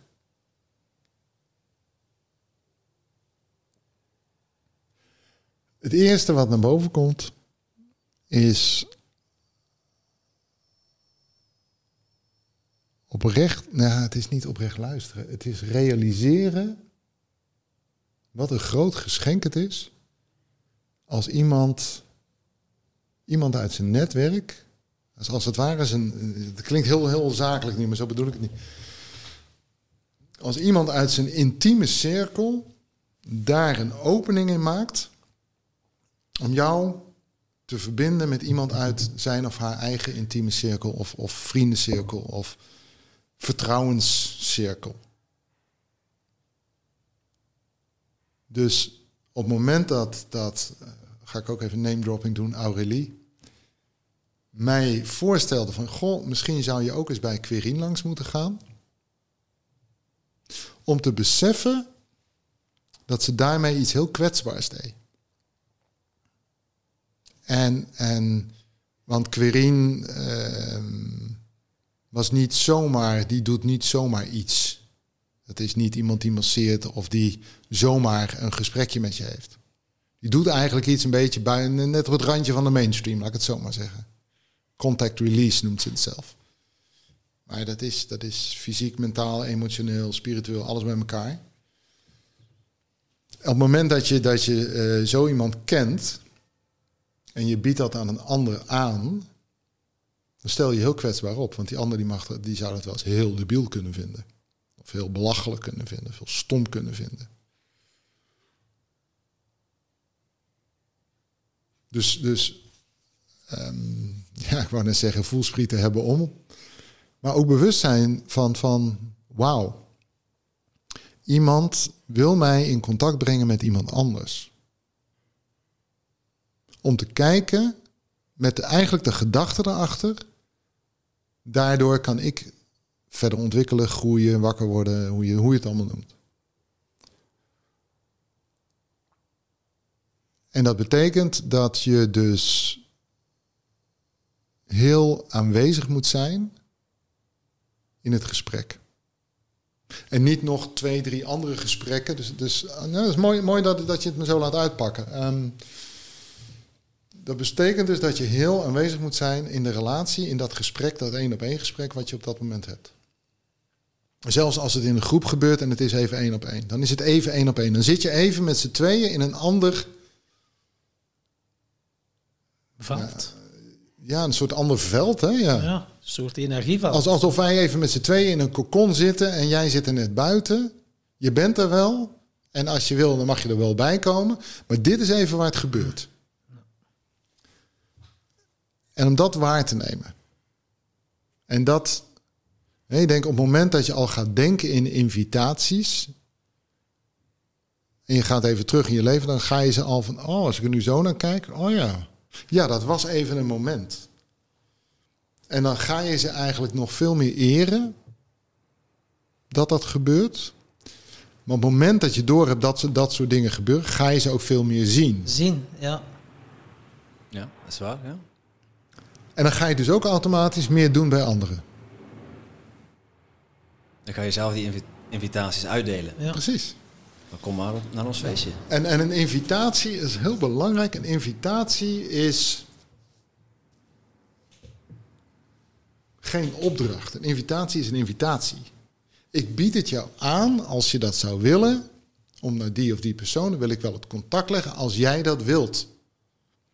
En als je nee zegt, is het ook goed. Dus er zit geen verplichting achter. Het is niet van, nou ik geef jou wat en dan moet ik daarvoor wat voor terugkrijgen, of dan moet je het gaan doen. Of, dat is geen invitatie, dat is een opdracht. Of een uitwisseling. Nee, dit, is, dit is helemaal omdat je wil geven. Ja, ik had het laatst iemand ook bij ons in de podcast en af en toe hebben we nog uh, contact via Zoom. En ineens, ik had nog net een andere podcast gehoord met Vilna van Betten, die ook heel energetisch werkt. En ineens kwam die na. En zei ik, Vele, ik zeg, moet ik luisteren naar die podcast, Vilna van Betten. Oh, die had geluisterd. Tom, dank u wel. Wauw. Ik, uh, ik heb direct dat weekend, uh, heeft ze weekend die opleiding gevolgd. En nu heeft ze er een goed contact mee, want ze wil Vilna van Betten naar België brengen. Dus en ze gaat ja, Vilna van Betten naar België brengen. Zeg ze, dank u wel, Tom. Ja. En ik dacht, wauw, zo tof. Ja, en dan ontstaat er dus een keten. En heb jij dus ergens aangevoeld, hé, hey, dat kan voor haar iets betekenen. En het kan dus zelfs nog veel groter worden. Want als zij veel naar Van Betten naar België haalt, dan kunnen er meer mensen van, van profijt hebben. Die dat ook weer voortgaan. Dus het heeft voordeel voor al die mensen. Het heeft voordeel voor veel Van Betten. En jij krijgt er geen ene sou voor. Maar daar gaat het ook helemaal niet om. Nee, nee. Ja, dat is het mooie eraan. Ja, precies. Daar gaat ja, het niet om. Ik was zo dankbaar. Nee. En gewoon al dat ze zeggen, wauw, Ja. dankjewel. Maar die een oprechte dankjewel, die komt tot in je hart. Ja. Dan heb je zo, wauw, dat is Dat vervulling. is- en dat is genoeg. Dat is genoeg, Ja. ja. En, da- en dat is ook een beetje sharing is growing. Weet je, dat is ook, ik deel het, ik geef het en doe ermee wat je wil. Weet je, natuurlijk heb ik wel eens te vroeg dingen gedeeld. En ik dacht van, oh, dat was veel te vroeg. Dan is, is, is nog, is het, het, het zaadje is nog niet eens een kiemplantje en dan heb ik het al, oh, dat had ik niet. Nou, oké, ja, dat gebeurt ook. En soms dan deel je het en dan, dan valt het helemaal niet in goede aarde. Nou, dan valt het niet in goede aarde. Ook goed. Ja, alle, alle dingen gebeuren. En je leert het ook, hè. Oh, je, leert er elke keer uit. hè. Elke keer dat je dat doet. Bij die plantmedicijnen ook, we moesten in het begin dan zo even voelen.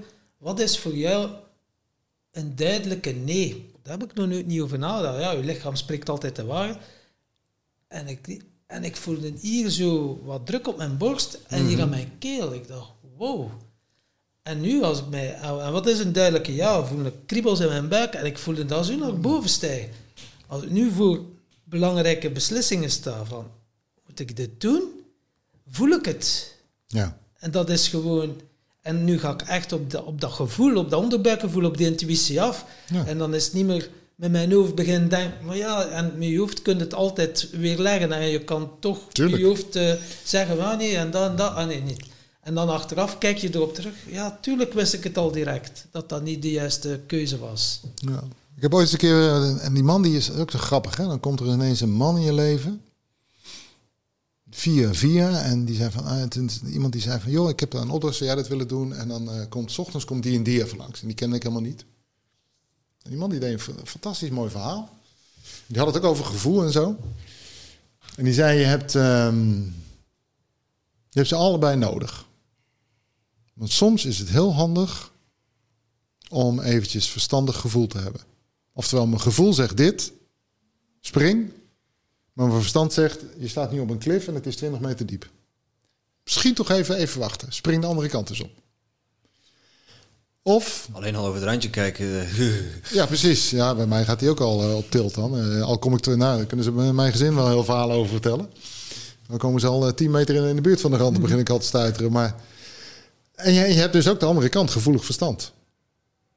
Soms is het prima om dingen te redeneren. En dan heb je je gevoel even nodig om of het de juiste timing is om het iemand te vertellen, bijvoorbeeld. Of hoe vertel ik het? Ik moet het wel vertellen, maar hoe vertel ik het? Weet je, dus die, die combineren dat heel mooi. En, en heel veel mensen zitten te eenzijdig. Het merendeel, laat ik het even, even generaliseren. Zitten nog steeds heel veelzijdig, in, of eenzijdig in, in, in verstand. En dat doe ik dus maar. Maar het is een groot, grote winst als je ze allebei kan combineren. Dat is mooi gezegd. Gevoelig verstand en verstandig gevoel. Wauw. Ja, dus ik ben zijn naam vergeten, maar ik, ik heb hem dus gekregen. Hè? Dus het is niet van mij. Niks is van ons, toch? Ja, nee, dat klopt ook nog. Ja. Ergens eh, komt het overal ergens een keer vandaan. Ja, we gaan goed, hè? Je, je had het net over die, ehm, eh, die energie en dat je bepaalde talenten bij jezelf aan het ontwikkelen bent. Ja. En in de voorbespreking hadden we het over ehm, lichtbanen in organisaties. Het wordt een beetje spiritueler nu. We beginnen wat schuiven in de stoel. Mensen thuis beginnen altijd wat te zweten. Oeh, spiritueel, nee. Oh, niet van. Maar ja, we hadden het in de voorbespreking over Tom Ja. Kremers. Die is ook te gast geweest in onze, in onze podcast. Wij vinden het een heel bijzondere man. Hij vindt het zelf allemaal heel gewoon. Mm. Maar jij hebt, je hebt ook mensen in jouw entourage die ehm, eh, vergelijkbaar eh, Ja, in energie voelen, energie zien eh, en dat kunnen kanaliseren. ja. En jij werd wakker geschud ergens over lichtbanen in organisaties. Kun je daar iets meer over vertellen? Ja, ja, misschien heel kort even een aanleiding. Ik was bij een, een vriendin van mij die, die leest energie. En het heet dan readen, weet je. En dan is het, oh, dat klinkt heel interessant. Wat ze eigenlijk doet, is ze zich, heel, ze kan zich op een andere manier afstemmen op, op mij. Of op andere mensen. En dan, dan eh, heeft zij daar visuele beelden bij. Nou, en die kan zij heel goed vertalen in ehm, wat er dan naar voren komt bij haar. Nou, en daar kan, je, daar kan je wel wat mee doen, kan je niet wat mee doen. Ja.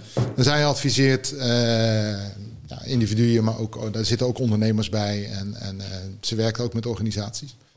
Nou, ik werk zoals je inmiddels wel weten eh, ook met organisaties. Een van mijn, mijn specialismen daarin is uh, werken in de onderstroom. Ik noem dat tussendoor even dat je patronen, onzichtbare patronen in organisaties, om die zichtbaar te maken. Nou, dat noemen we systemisch werk en dat heeft dan weer te maken met onder andere opstellingen, maar in organisaties. Dat is een tool, maar er zijn nog veel meer werkvormen daarin. En uh, toen ik daar voor de eerste keer, ik was door, nou hier, uh, Aurelie, Querien, Aukje, was ik uh, via Querien weer doorverwezen naar, nou voor dat zou je eens bij haar kunnen gaan. En ik denk dat jullie wel wat aan elkaar hebben. Dus ik had, ik had een keer een afspraak gemaakt. Een invitatie. Een invitatie, ja, dat was er weer zo eentje. En nu zit ik in de initiatiefase. Um, dus ik zei, nou, vind ik wel eens boeiend. En, dus ik had afgesproken en nou, we zaten zo'n beetje aan het vertellen van, nou, wat doe jij en wat doe ik? En toen vertelde ik over het uh, zichtbaar maken van onzichtbare patronen in, in organisaties. En mensen en managers leren hoe daarmee om te gaan. En toen zei ze, oh, dus jij, jij ziet de lichtlijnen in organisaties. Nou, je kan je voorstellen, ik, ik heb samen met een collega ook een boek geschreven over dat werk dat op het moment dat zij dat ineens op die manier verwoorden, dat ik ineens een visueel beeld erbij kreeg. Niet alleen taal en, en, en, en inzichten. Maar ook echt een visueel plaatje van er lopen lichtlijnen door organisatie. Dus ik was ineens heel erg getriggerd. Huh? Ja, precies. En ik had echt zoiets wow, kan dat? Is dat mogelijk? En zij vertelde, ja, dat kan. Dat, dat, dat, ja, dat kan je ook leren. En, uh, dus nou, en toen heb ik gezegd, oké, okay, deze, deze uh, zet ik nu even vast, want ik kom voor wat anders. Maar ik kom hierop terug. Dus ik heb een paar maanden later weer een afspraak met haar gemaakt. Ik zei, joh, ik wil er even op terugkomen. Kan je me dat leren? Nou, zei ze, ja, dat kan wel, maar dat is één op één is dat niet zo handig. Dus dan moeten we een groepje mensen, dan moeten we, ja, moeten we wat mensen verzamelen. Ik zei, nou, als jij zegt dat het kan, dan zorg ik wel voor de mensen. Dus we zitten nu in de initiatie, zeg maar, om te gaan, om, om te leren rieden. En dat, dat heel grappig. Ik dacht altijd, nou, dan moet je voor geboren zijn, of dan moet je hè, hoogsensitief voor zijn. Of, of getikt, zoals sommige of mensen denken. Of getikt voor zijn. En het is ook allemaal onzin. En, en we hebben een aantal dagen training nu gehad om, om gewoon... En vanaf de eerste dag... Ik was ooit aan een introductiedag een keer bij. En toen zei ze, ja, aan het eind van, uh, van de dag gaan jullie allemaal uh, een ander rieden. Ik denk, nou, dat is nog wel een uh, belofte die je doet. Dus dat vroeg ik ook. Ik zei, dat is wel een grote belofte. Hij zei, maar ja, dat is tot nu toe altijd gelukt. Dus daar laten we er maar van uitgaan. En ja, inderdaad, dat lukte dus ook. Dus ik was echt volledig verrast en super enthousiast. En, uh, en we zijn dus nu aan het leren om hoe doe je dat nou, bij mensen. Maar dat was eigenlijk de warming-up. Maar, en we zijn nu bezig om te gaan kijken hoe doe je dat in organisaties. En wat waar ik al een tijdje mee, mee speel met de gedachte, en bijna de overtuiging misschien wel, dat uh, ons menselijk lijf, laat ik het zo maar even noemen, de machine waar we, waar we in zitten als, als ziel, dat die nog veel meer kan dan wat we tot nu toe ontdekt hebben. Weet je, we hebben vijf zintuigen ontdekt. Dus ruiken, proeven, uh, zien, horen en, en, en voelen. Nou, in voelen zit nog een miljoen veel meer uh, nuances. Ik ben ooit opgeleid als fysiotherapeut. Nou, als fysiotherapeut kan je de opperhuid, de, de tussenhuid, het, uh, het bindweefsel eronder en de fascia van de spier en de spier. Dat kan je allemaal verschillend voelen. Dat, dat kan je echt aftasten. Terwijl een ander die pakt het beet en zegt dit is een arm. En wij, wij kunnen als fysiotherapeut kan je al die verschillende lagen en zelfs ja, uh, verkrampingen of, of, verstrikkingen, verplakkingen in die lagen helemaal voelen. Dat is gewoon een training van sensitiviteit van aanraking. Nou, zo kan je dus ook trainen, sensitiviteit van zien. En dat noemen ze dan energie zien. En, um, en we zien het vaak, we zien het als de regenboog er staat. Dan wordt energie ineens zichtbaar. In de waterdruppels. En dat is gewoon, ja, licht weerkaatst, maar licht is energie. Nou, en dan is het ineens anders zichtbaar dan gewoon het licht nu van de zon. Dus, dus als... Ja, het is hetzelfde licht. Ja, het is hetzelfde licht. Ja, die, zon, die zon die staat daar. Ja. En daar is dat daar. Ja. ja. Dus, dus sowieso de overtuiging dat uh, wij nog veel meer tot veel meer in staat zijn dan tot nog toe enerzijds bewezen is door de wetenschap. En als het niet bewezen is door de wetenschap, zeggen we bestaat het niet. Dat is, dat is ook een leuk, uh, interessant uh, onderwerp. Um, Maar nu zie je dat met de binnenkomst van neuro, neurosciences, nu we met MRI en al die andere methodieken veel meer kunnen zien wat gebeurt er in de hersenen, zijn we er onder andere achter gekomen. Nou, jij noemde in het begin NLP.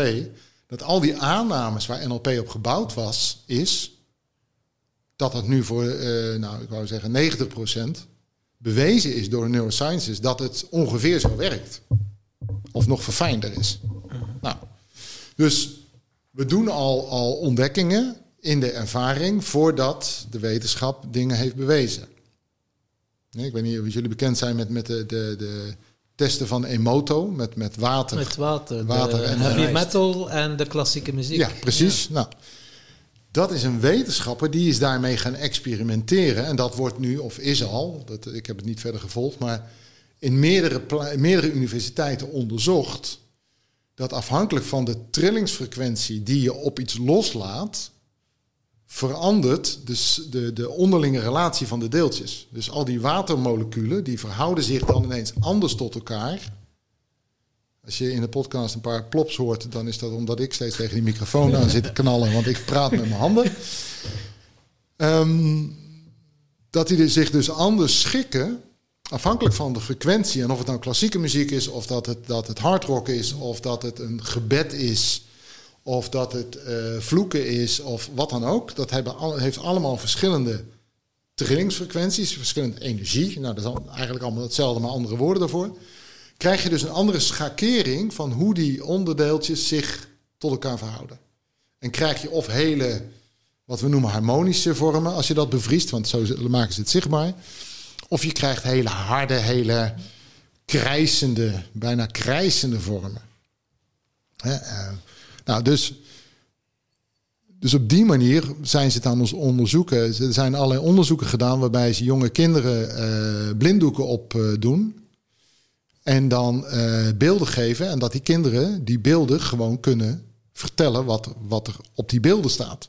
Zonder dat ze hun ogen kunnen gebruiken. Nou, er is al heel veel, steeds meer bekend over ons derde oog. En ze doen het met kinderen omdat kinderen veel dichter bij een gevoel staan dan volwassenen. Nou, omdat ja. volwassenen dat allemaal al vergeten en afgeleerd hebben. En want als, als kind, als wij. Um, nou ga ik op glad ijs, want heb ik, dit heb ik niet uh, verder onderzocht of uit. Maar niet wetenschappelijk bewezen. Nee, het is ook niet wetenschappelijk bewezen. Maar uh, soms moet je al dingen doen voordat ze wetenschappelijk bewezen zijn.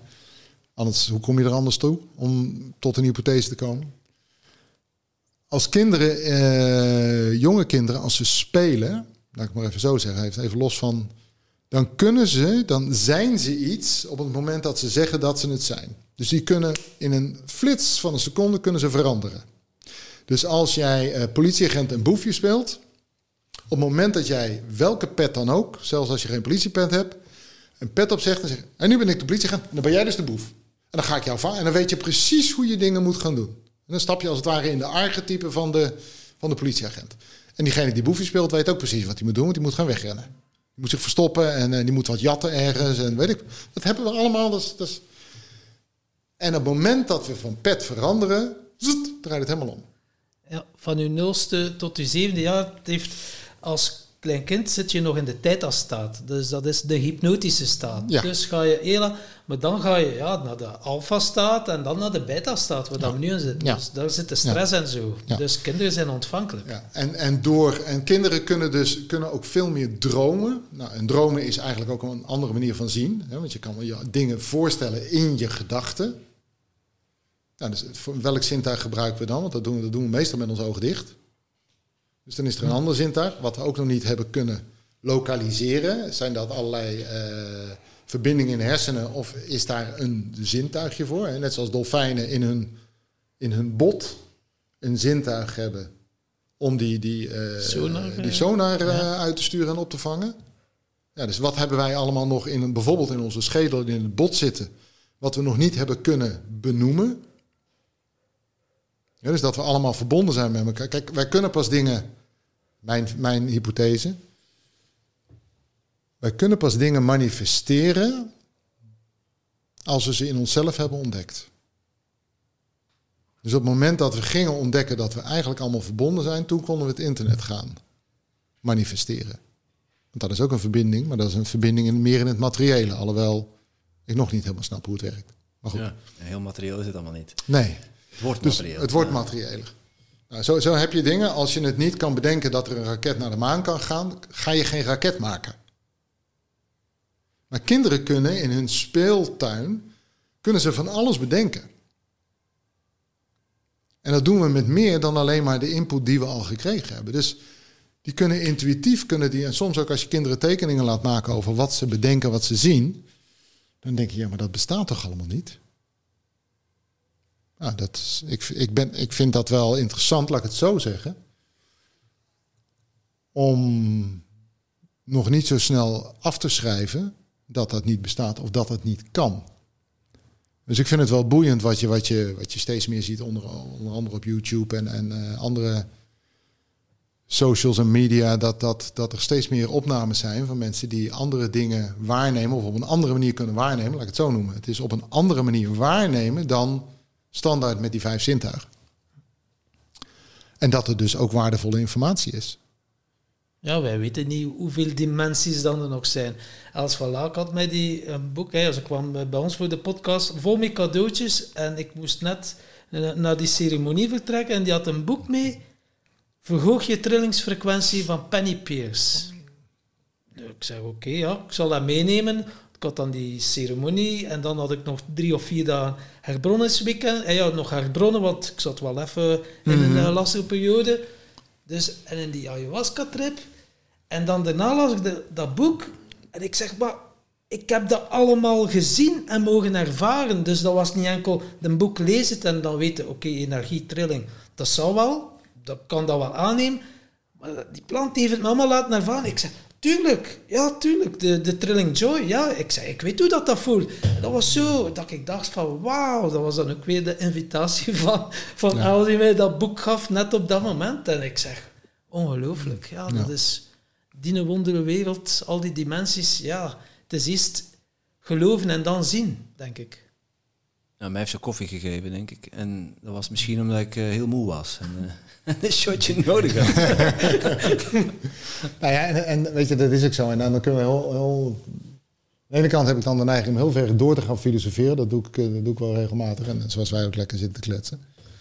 Uh, zo grappig wat er ook gebeurt nu. Hè? Dus aan de ene kant kan ik die kant op gaan heel erg door gaan filosoferen. Aan de andere kant oh ja, en ik, ik heb ook dat zakelijke stuk. Maar wat ik ook zie, is dat op het moment dat ik met zakenmensen offline, laat ik het zo maar even noemen, of in een situatie waar het, waar het wat makkelijk kan, over dit soort dingen praat, dan leer ik ook van hen een hele andere kant kennen. Want dan zijn er mensen die zeggen, nou ja, wat, wat raaskal je. Dan zeg ik, nou is prima, mag. Mag je vinden. Ik heb gemerkt dat het in het werk wat ik doe, ook met executives, maar voor mij als voorbereidingen op de achtergrond, mij heel veel brengt. De manier waarop ik me kan voorbereiden en, en al kan intunen op met wie ik ga spreken en wat ik dan al bij mezelf waarneem.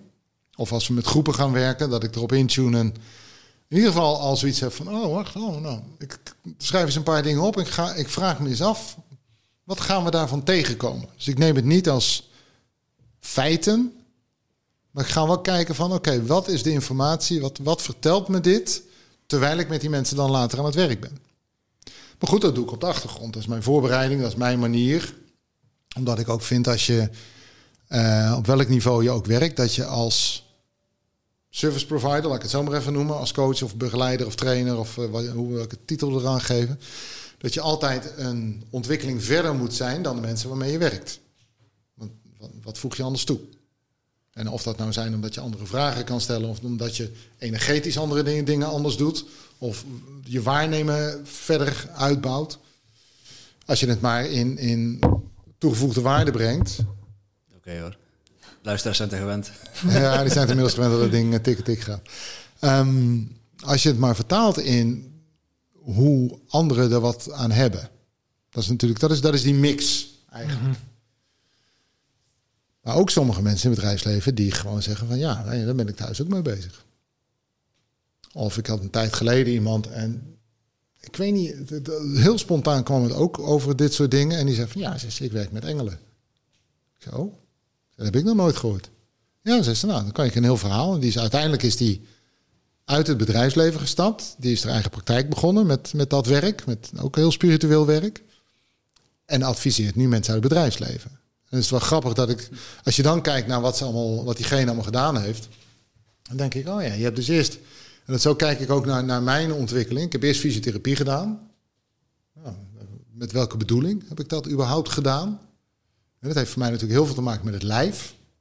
En toen gebruikte ik andermans lijven nog om mijn eigen lijf te voelen. Zo, zo heb ik dat maar vertaald. Nou, dat heeft mij later altijd wel heel erg geïntrigeerd gemaakt van, van wat gebeurt er in het lijf waar we het er nog niet over gehad hebben. En je hebt ook je zintuigen ontwikkeld. Precies. Maar ook mijn emotionele zintuigen op een gegeven moment. Nou, toen heb ik ruim twintig jaar in bedrijfsleven gezeten. Dus met de mensen die ik werk, ik heb in hun schoenen gelopen als het ware. Dus ik kan me goed in hen verplaatsen. En later heb ik een heel ander uh, métier ontwikkeld, waardoor ik weer van toegevoegde waarde kan zijn. En dan komt dat fysiotherapie en toen had ik op een gegeven moment, oh, dat is weer één cirkel die is rond. Nou, wat wordt nou de volgende cirkel die we erop bouwen? En, en maar voor haar ook, dat was van ja, ik heb, ik heb heel concrete dingen gestudeerd. En op een gegeven moment was ze er klaar mee, had ze, nou, had ze er ook tig jaren mee gewerkt. Ja, en op een gegeven moment drong dat andere zich toch meer op. En dat is echt, nou, voor een heleboel mensen uit, uit haar vakgebied, dat is echt ver weg is dan. Maar ze adviseert nu een heleboel mensen, ook uit dat vak, maar ook uit andere bedrijfs. Maar ze heeft dus heel veel in bedrijfsleven gezeten, dus ze snapt hoe dat werkt allemaal. Dus ze weet het ook te vertalen. En soms zijn er mensen die vragen, ja, maar wat doe je nou precies? Nou, dan gaat ze het uitleggen.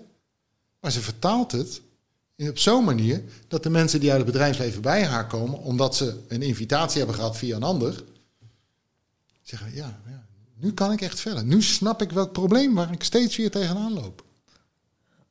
En dat vind ik het mooie als je dus van alles door elkaar gaat halen. Ik, eh, de, mijn begeleider op eh, fysiotherapie op mijn eh, eindexamen zei, die zei van joh, Paul, wat je hier hebt geleerd, een heleboel methodiek, een heleboel manieren.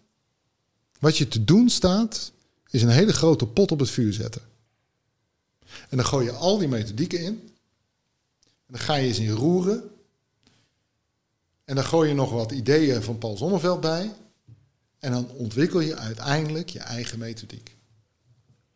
En dat vond ik toen al een heel mooie manier om, om, om aan te geven van, van hoe ga je daar nou mee om?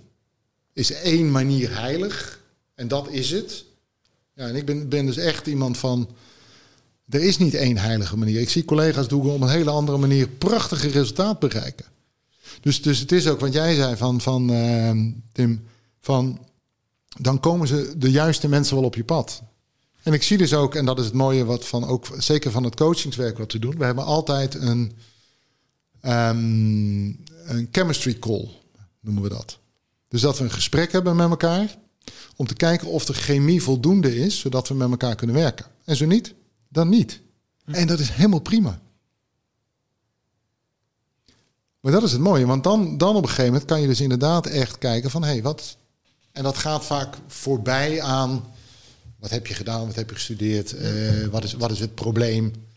Maar het gaat veel meer over, voelt iemand zich thuis bij je, voelt iemand zich veilig bij je, voelt iemand dat, dat hij zich durft open te stellen bij je.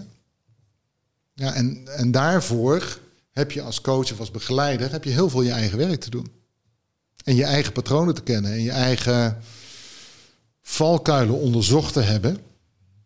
Zodat wat iemand ook brengt, dat jij daar niet of nauwelijks door getriggerd wordt. Of dat je doorhebt wanneer je door iets getriggerd wordt wat een ander als een probleem kan brengen. En dat je dus ook weet, en dat heb ik ook wel eens, dat ik tegen iemand zeg van ja, met dat probleem waar jij mee komt, daar kan ik dus niet mee werken. Ik weet wel wie wel, maar daar kan ik niet mee werken. In plaats van te zeggen, ja, ik kan alles wel aan. Het is niet zo. Ik heb heel veel gestudeerd en heel veel ervaren en heel veel gedaan. En ik kan ook niet alles aan. Ja. En ik denk dat ik, ik weet niet wie er wel alles aan kan. Ik heb lang gedacht. Bijna had je. Ja, ja, ja, ja, Het, is, het is confronterend. Je hebt zulke mensen in je, in je omgeving heb je ook nodig die uh, je hebt ook mensen in je omgeving nodig die je uh, daar bewust van maken. En we, we hebben ook een podcast gehad met, uh, met Lisbeth, Lisbeth Halewijk. Mm Heel bijzondere vrouw ook. Zij is orthomoleculair voedingsdeskundige. Oké, oh ja. Um, maar je komt daar en ja, ze had binnen twee minuten had ze maar door. Ik zeg, zie in je ogen dat het niet helemaal goed gaat met, je- met je. Zat ik midden in, dat was nog voor, voordat ik eh, op mijn bek was gegaan. Maar eh, ik zat er al middenin natuurlijk. En ja, zulke mensen kun je niks wijs maken. En ik Nee. denk, na tien minuten praten wist ze ook precies waar eh, mijn patroon te benoemen. En ik, natuurlijk, ja, ik ben met persoonlijke ontwikkeling bezig, dus ik weet het wel. Ze zegt, ze is zo vrolijk en van, "Oh, je bent zo interessant. Zeg, je weet het, je, weet precies wat er aan de hand is en, en toch doe je er niks mee. Zeg, Het is wel interessant, dat was leuk. Hij zei, ze- zij is ook kinesthetisch, of hoe noem je dat? Kinesioloog. Kinesioloog. Ja, ja. Kinesiologie, eh, onderlegd. En, en ja, ga maar even staan, stek je armen uit en dan eh duw ze een keer op en dan nog een keer. Ik Ga even, in, eh, ga even intunen, niet op mij letten. En dan, eh, oké, leg je hand maar hier, leg je hand maar daar en dan een keer duwen. En dan, oké, ja, eh, zelfzorg.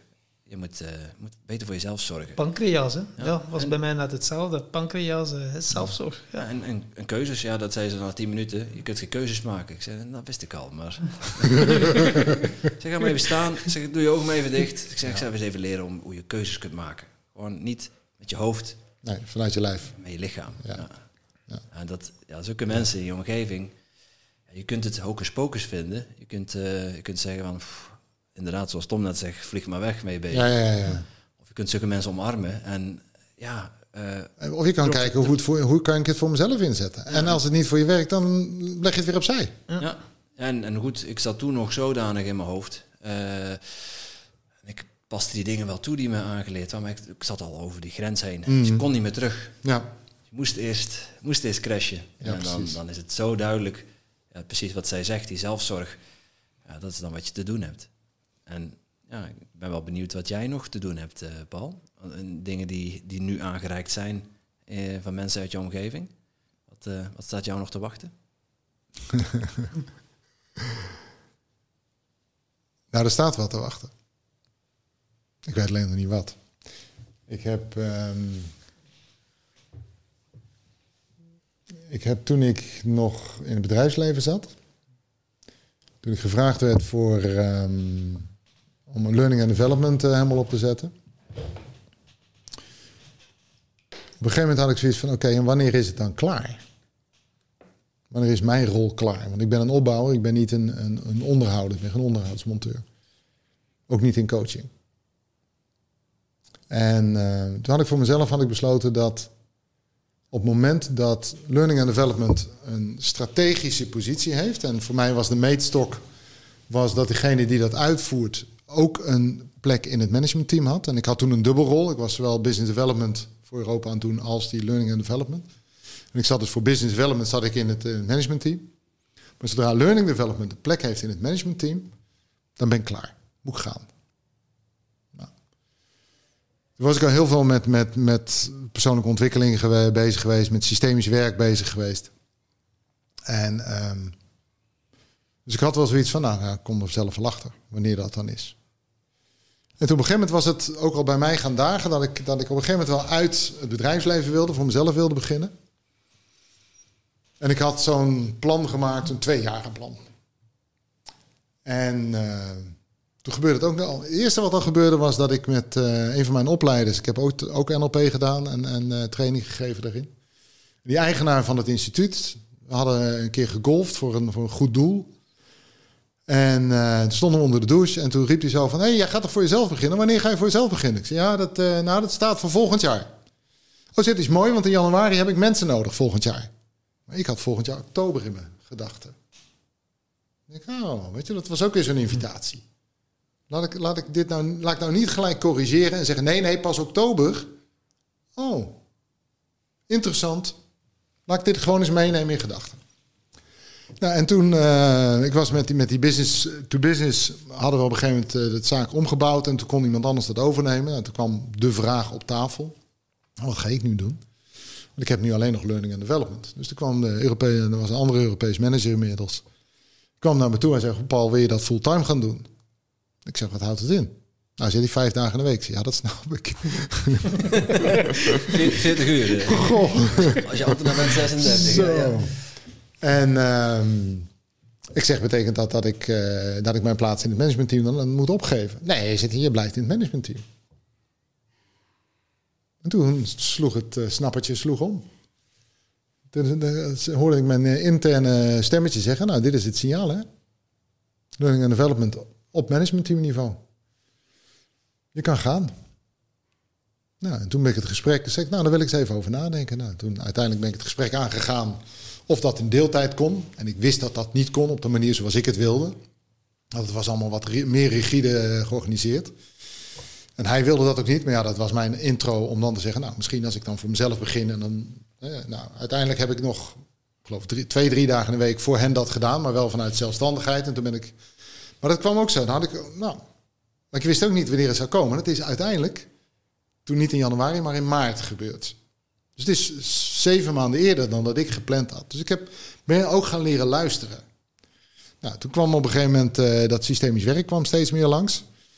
Daar begon ik ook steeds meer mee te doen.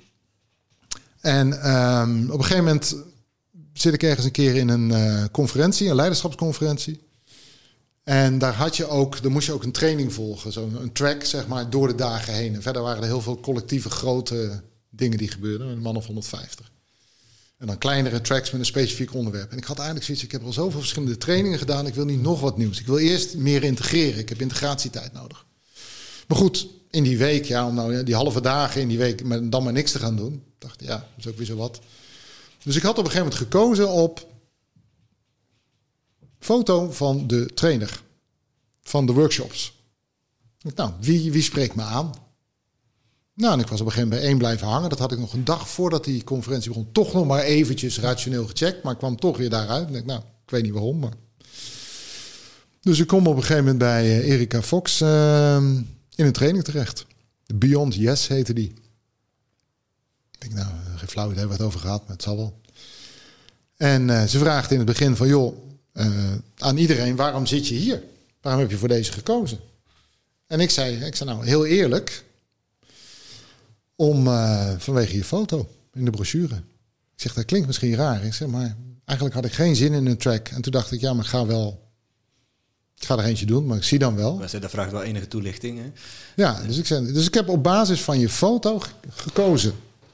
Dus ze moesten erom lachen in eerste instantie. En toen voegde ik aan toe en ik zeg, weet je, en ik, vertrouw er ook op dat, omdat ik hem gisteren nog gecheckt heb van zit ik wel goed. En toen kwam ik weer hierop uit dat, dat er een reden is waarom ik hier ben. Misschien moet ik iemand uit de groep uh, leren kennen. Misschien moet ik, ja, ik weet het niet. Maar daar vertrouw ik op. Nou, zij bleken uiteindelijk, wat ik ook allemaal niet wist. Zij was eigenaresse van een executive leadership bureau uit Boston. Die internationaal werk doet. Met grote organisaties. En, en op dat moment was ik al drie maanden. Ik was, ik was acht jaar, had ik niet meer internationaal gewerkt. Omdat ik meer bij de opvoeding van mijn kinderen betrokken wilde zijn. Maar het begon weer te kriebelen. Nou, dat was dat, de kriebel zat er drie maanden. En ik had zoiets, nou, ik voel hem, ik voel hem en ik weet het. Maar ja, hoe, hoe en wat, ik heb geen flauw idee. Ik ga niet op mijn eentje zomaar in het buitenland lopen. Hallo, hier ben ik.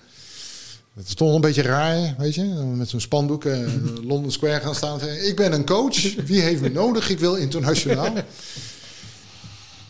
En ik ontmoet haar. En we raken aan de praat bij de eerste lunchpauze. Ze zegt, wat doe je eigenlijk? Nou, vertel zo. Ik vertel van mijn systemisch werk in organisaties. Nou, zegt ze, wij, doen, wij hebben programma's en die heten, en eh, dan doen we drie stappen in. Lead Self, Lead Others, Lead Systems. En in Amerika heb ik wel iemand voor Lead System, maar niet in Europa. En ik heb, over een paar maanden heb ik een klant in Europa. Zou jij dat willen komen doen? Ik zei, nou, moet even kijken in mijn agenda. En toen zag ik, oh, dat is dat ik drie dagen al op vakantie ben.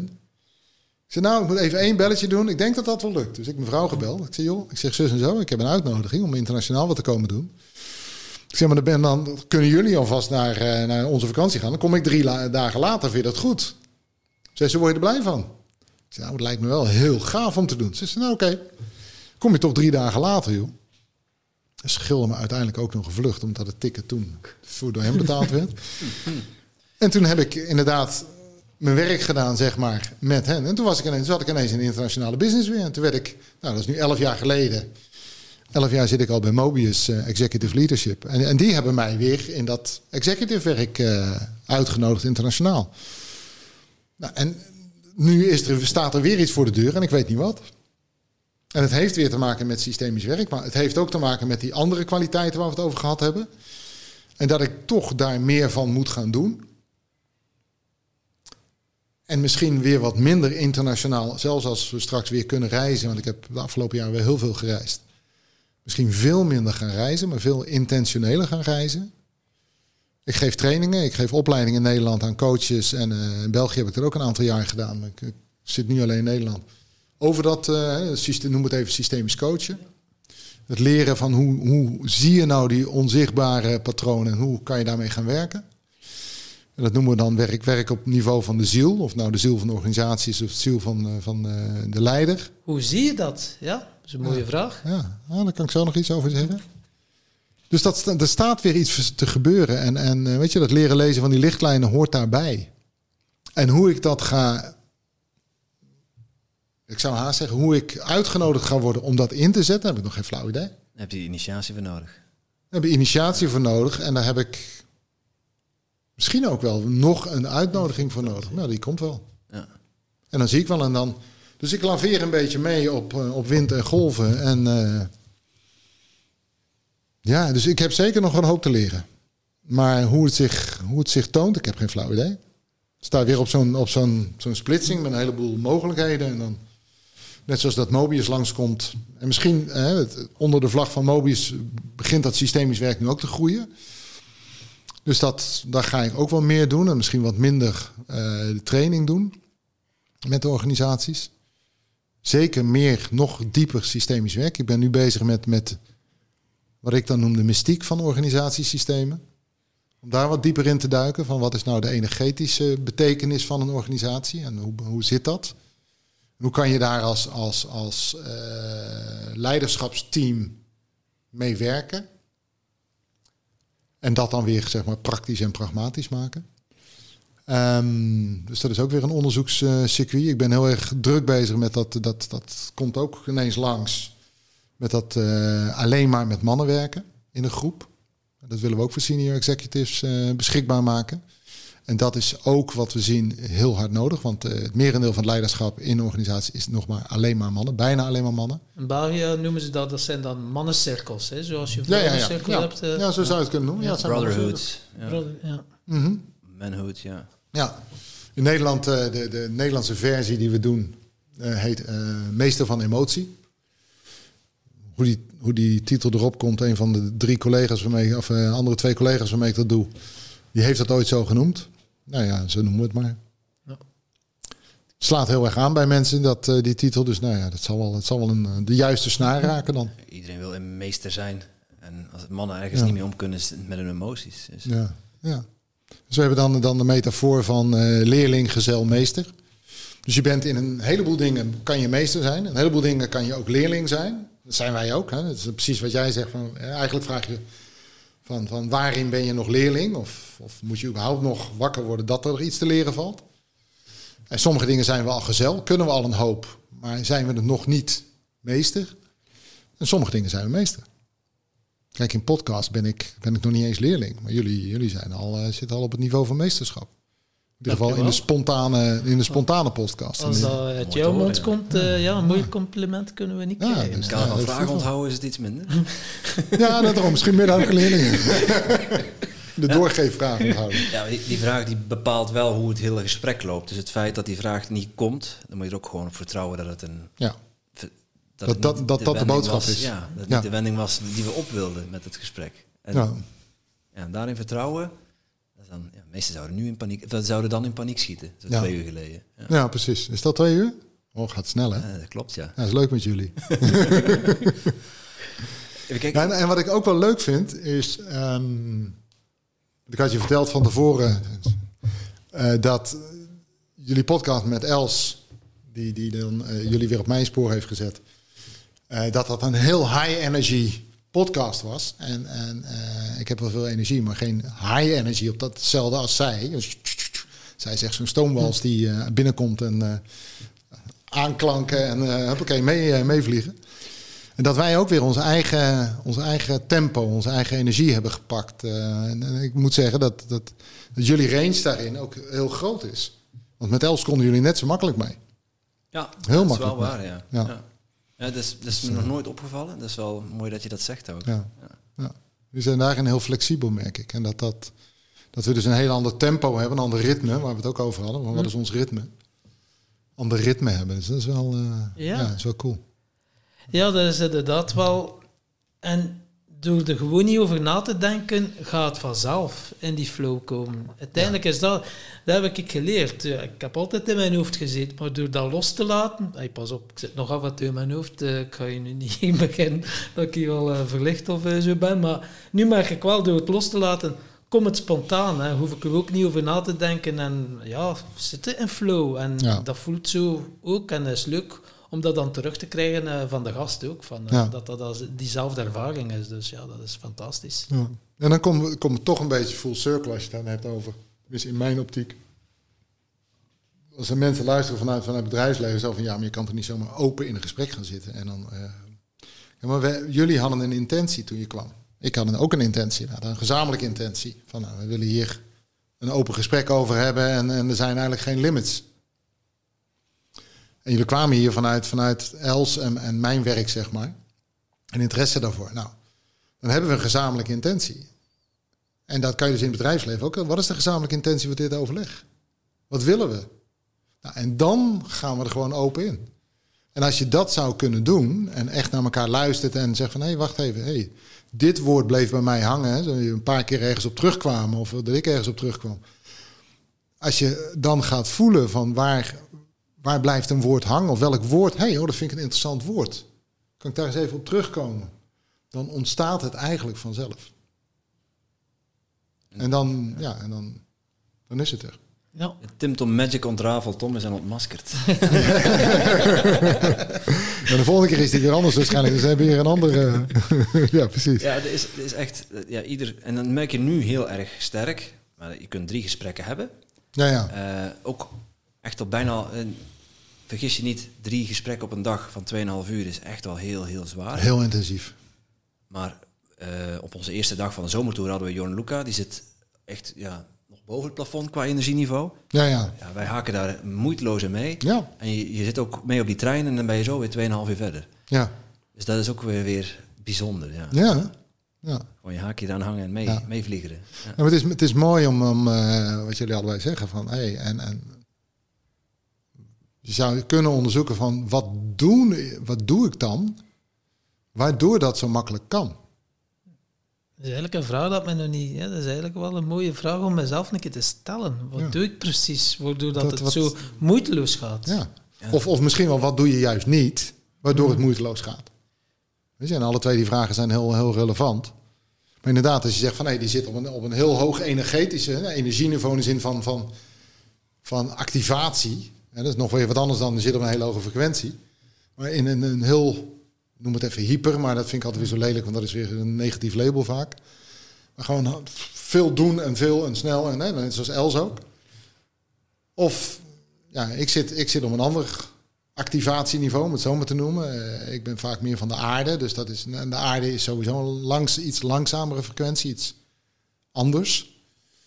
Dus blijkbaar doen jullie iets waardoor je die hele range kan hebben. Interessante vraag. Weet je, we gaan die vraag parkeren. En ik stel voor, Tom, dat wij die vraag gaan beantwoorden in onze 99ste aflevering. Ah ja, dat is eh, een mooie. Ja. Dat is leuk. En we een gesprek hebben met z'n tweeën. Wij doen alle, alle even getallen, doen we, of alle dubbels.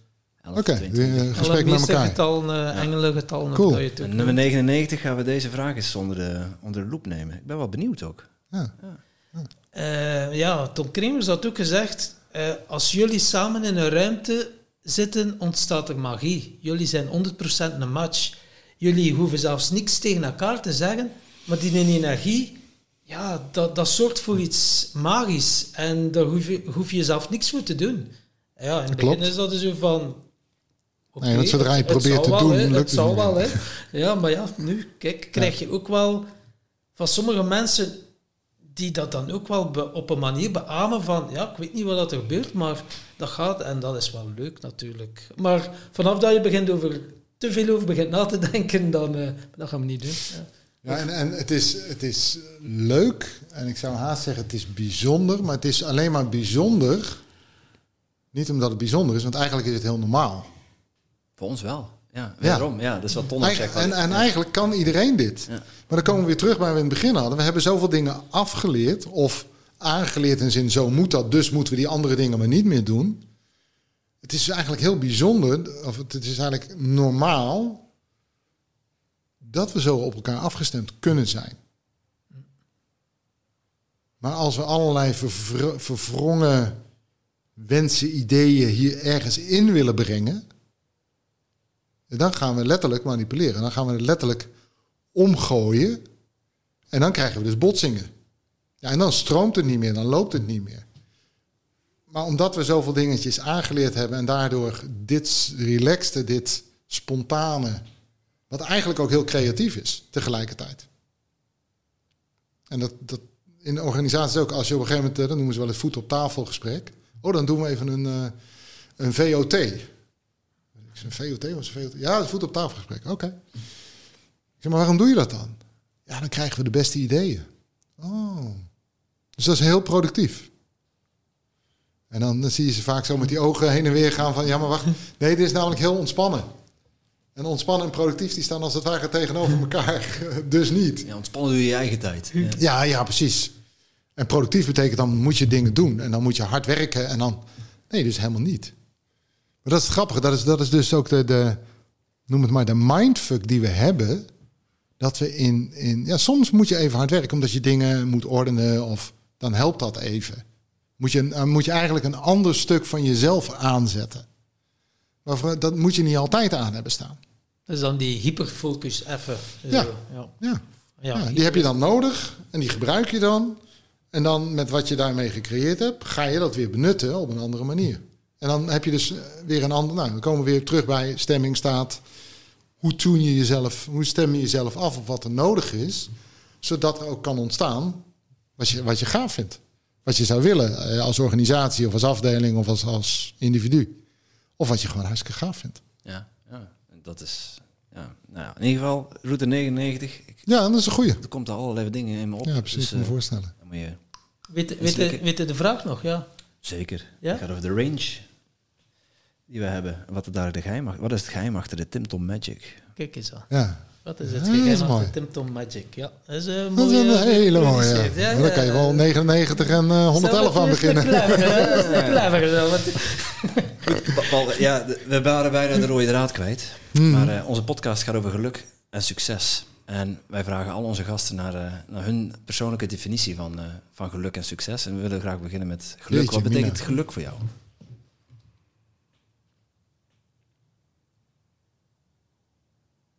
Tjee, wat betekent geluk voor mij?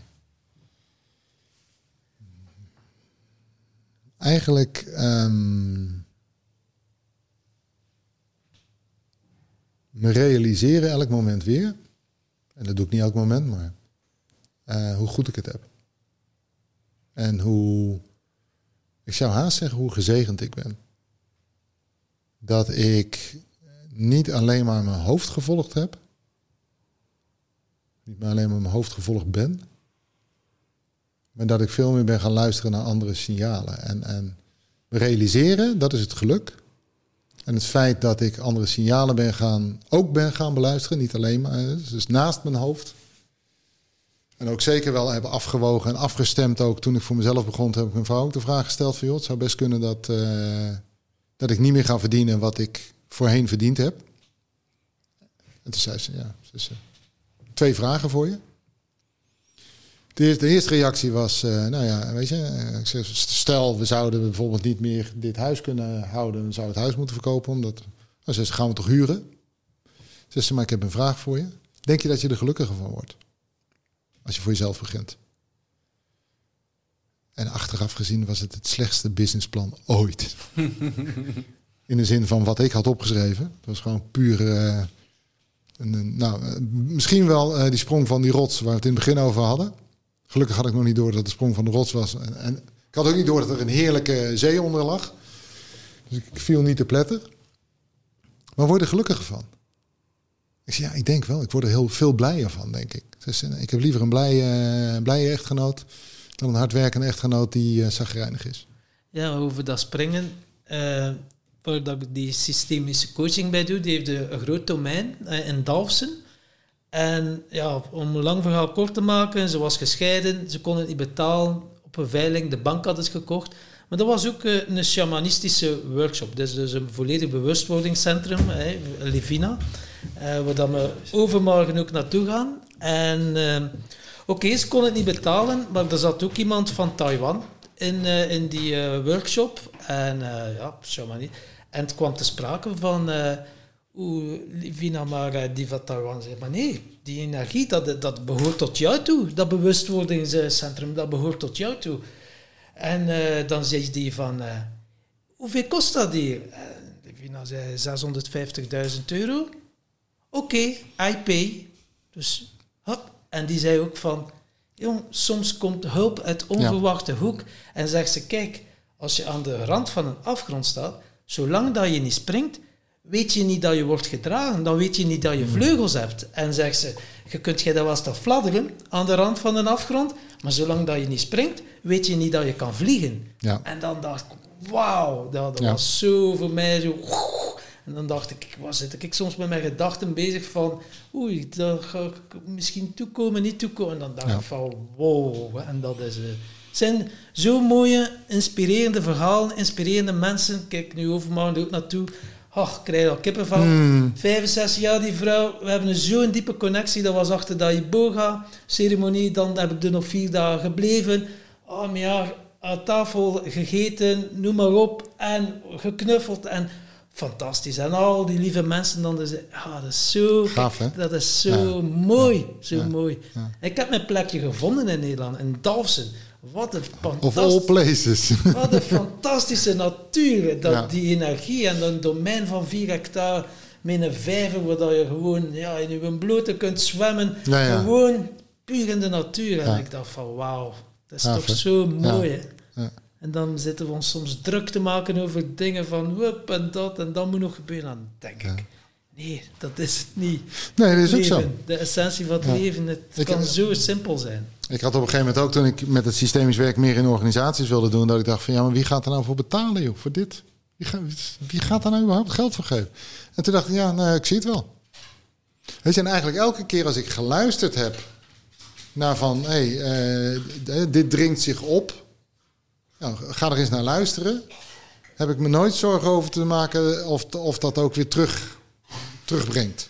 In de zin van, nou ja, in Nederland hebben we dan geld nodig om eh, dingen te betalen natuurlijk. Zoals overal op de wereld. Zodat ik er ook voor betaald krijg.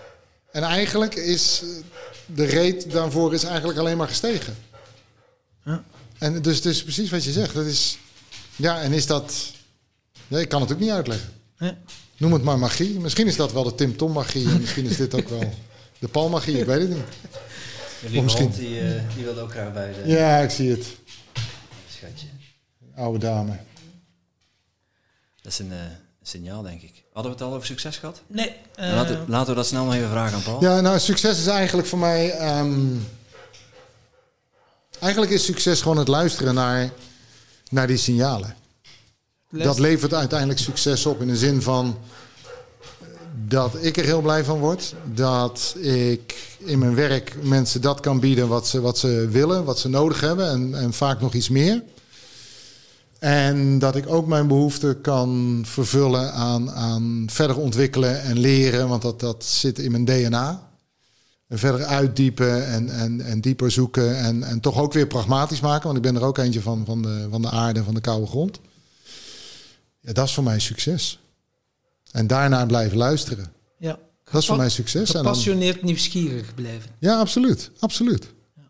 En, en gisteren zat ik, zat ik met een club, eh, wat ze noemen Emerging Leaders. Dat zijn allemaal millennials uit Amerika. En nou, nu, nu nog internationaler. En, maar er zitten ook eh, oudere millennials bij. zoals ik dan. en eh, een, van die, een van die mensen die zei ook van... ja, wat ik probeer te doen is alles with grace and ease. En dat vond ik wel een heel mooie zo van... Nou, als we het, als we het met met schoonheid, met gratie kunnen doen en met gemak. En dat betekent dus wel dat we er vol aanwezig moeten zijn en vol die ander moeten zien als we met andere mensen werken. Vol de microfoon moeten zien als je er tegenaan slaat. En dat is voor mij, dat is voor mij succes. En succes is. En weet je, de, de andere dingen die je nodig hebt voor het leven komen dan vanzelf. Mooi. Heel Ja. mooi. Eh, Als, eh, als jij een vraag zou moeten bedenken voor onze volgende gast, wat, eh, wat komt er dan in je op? Nou, dat, dat toen we het hadden over frequenties en zo, hè, dat, dat is wel een beetje blijven hangen. Ehm, ja. De vraag is, hoe tune jij jouw instrument? Oké. Ben benieuwd. Ja, ik ook. En een telefoon. wij zijn, eh, wij zijn dubbel benieuwd. Het is iemand van ons team die we gaan interviewen. Oh, cool. Super cool. Ja. Wel, als mensen meer willen weten over ja, wie jij bent, wat je doet, waar kunnen ze dan eh, terecht? Waar kunnen ze meer info vinden? Ehm, ze kunnen op mijn, eh, mijn eigen website komen, eh www.simpelpaulzonneveld.nl. Dus gewoon mijn eigen naam en eh, .nl erachter. Ehm daar kunnen ze mailen, ze kunnen bellen. Ehm, LinkedIn sta ik op. Dus ze zijn van harte welkom. Eh, ja, weet je, dus eh, Mooi. We zullen de, de link ook eh, onderin onze show notes zetten. Dan eh, hoeven mensen niet te zoeken. ja, fantastisch. Kunnen ze je naam niet verkeerd schrijven, kunnen ze gewoon klikken. En, dan, eh, En ik ga, dan en ik ga de show delen, want dit is, het is echt een eh, juweeltje hoor. Ja. Dus dank jullie wel mannen. Echt, eh, ja dank u wel. heel Hoi. gaaf. Ik ga ook, eh, normaal gezien heel veel podcasts van, ons, van mezelf, van onszelf luister ik niet meer terug. Maar deze ga ik toch zeker nog eens terug gaan beluisteren. Dan ben ik... Geen dingen beloven die je niet nakomt. Nee, nee, maar deze ga ik echt wel nog eens terug beluisteren. Amai. Dank je wel voor je tijd en voor Graag de inspiratie. Een mooie quote om mee af te sluiten, Paul. Ja, doe gewoon wat je hartje ingeeft.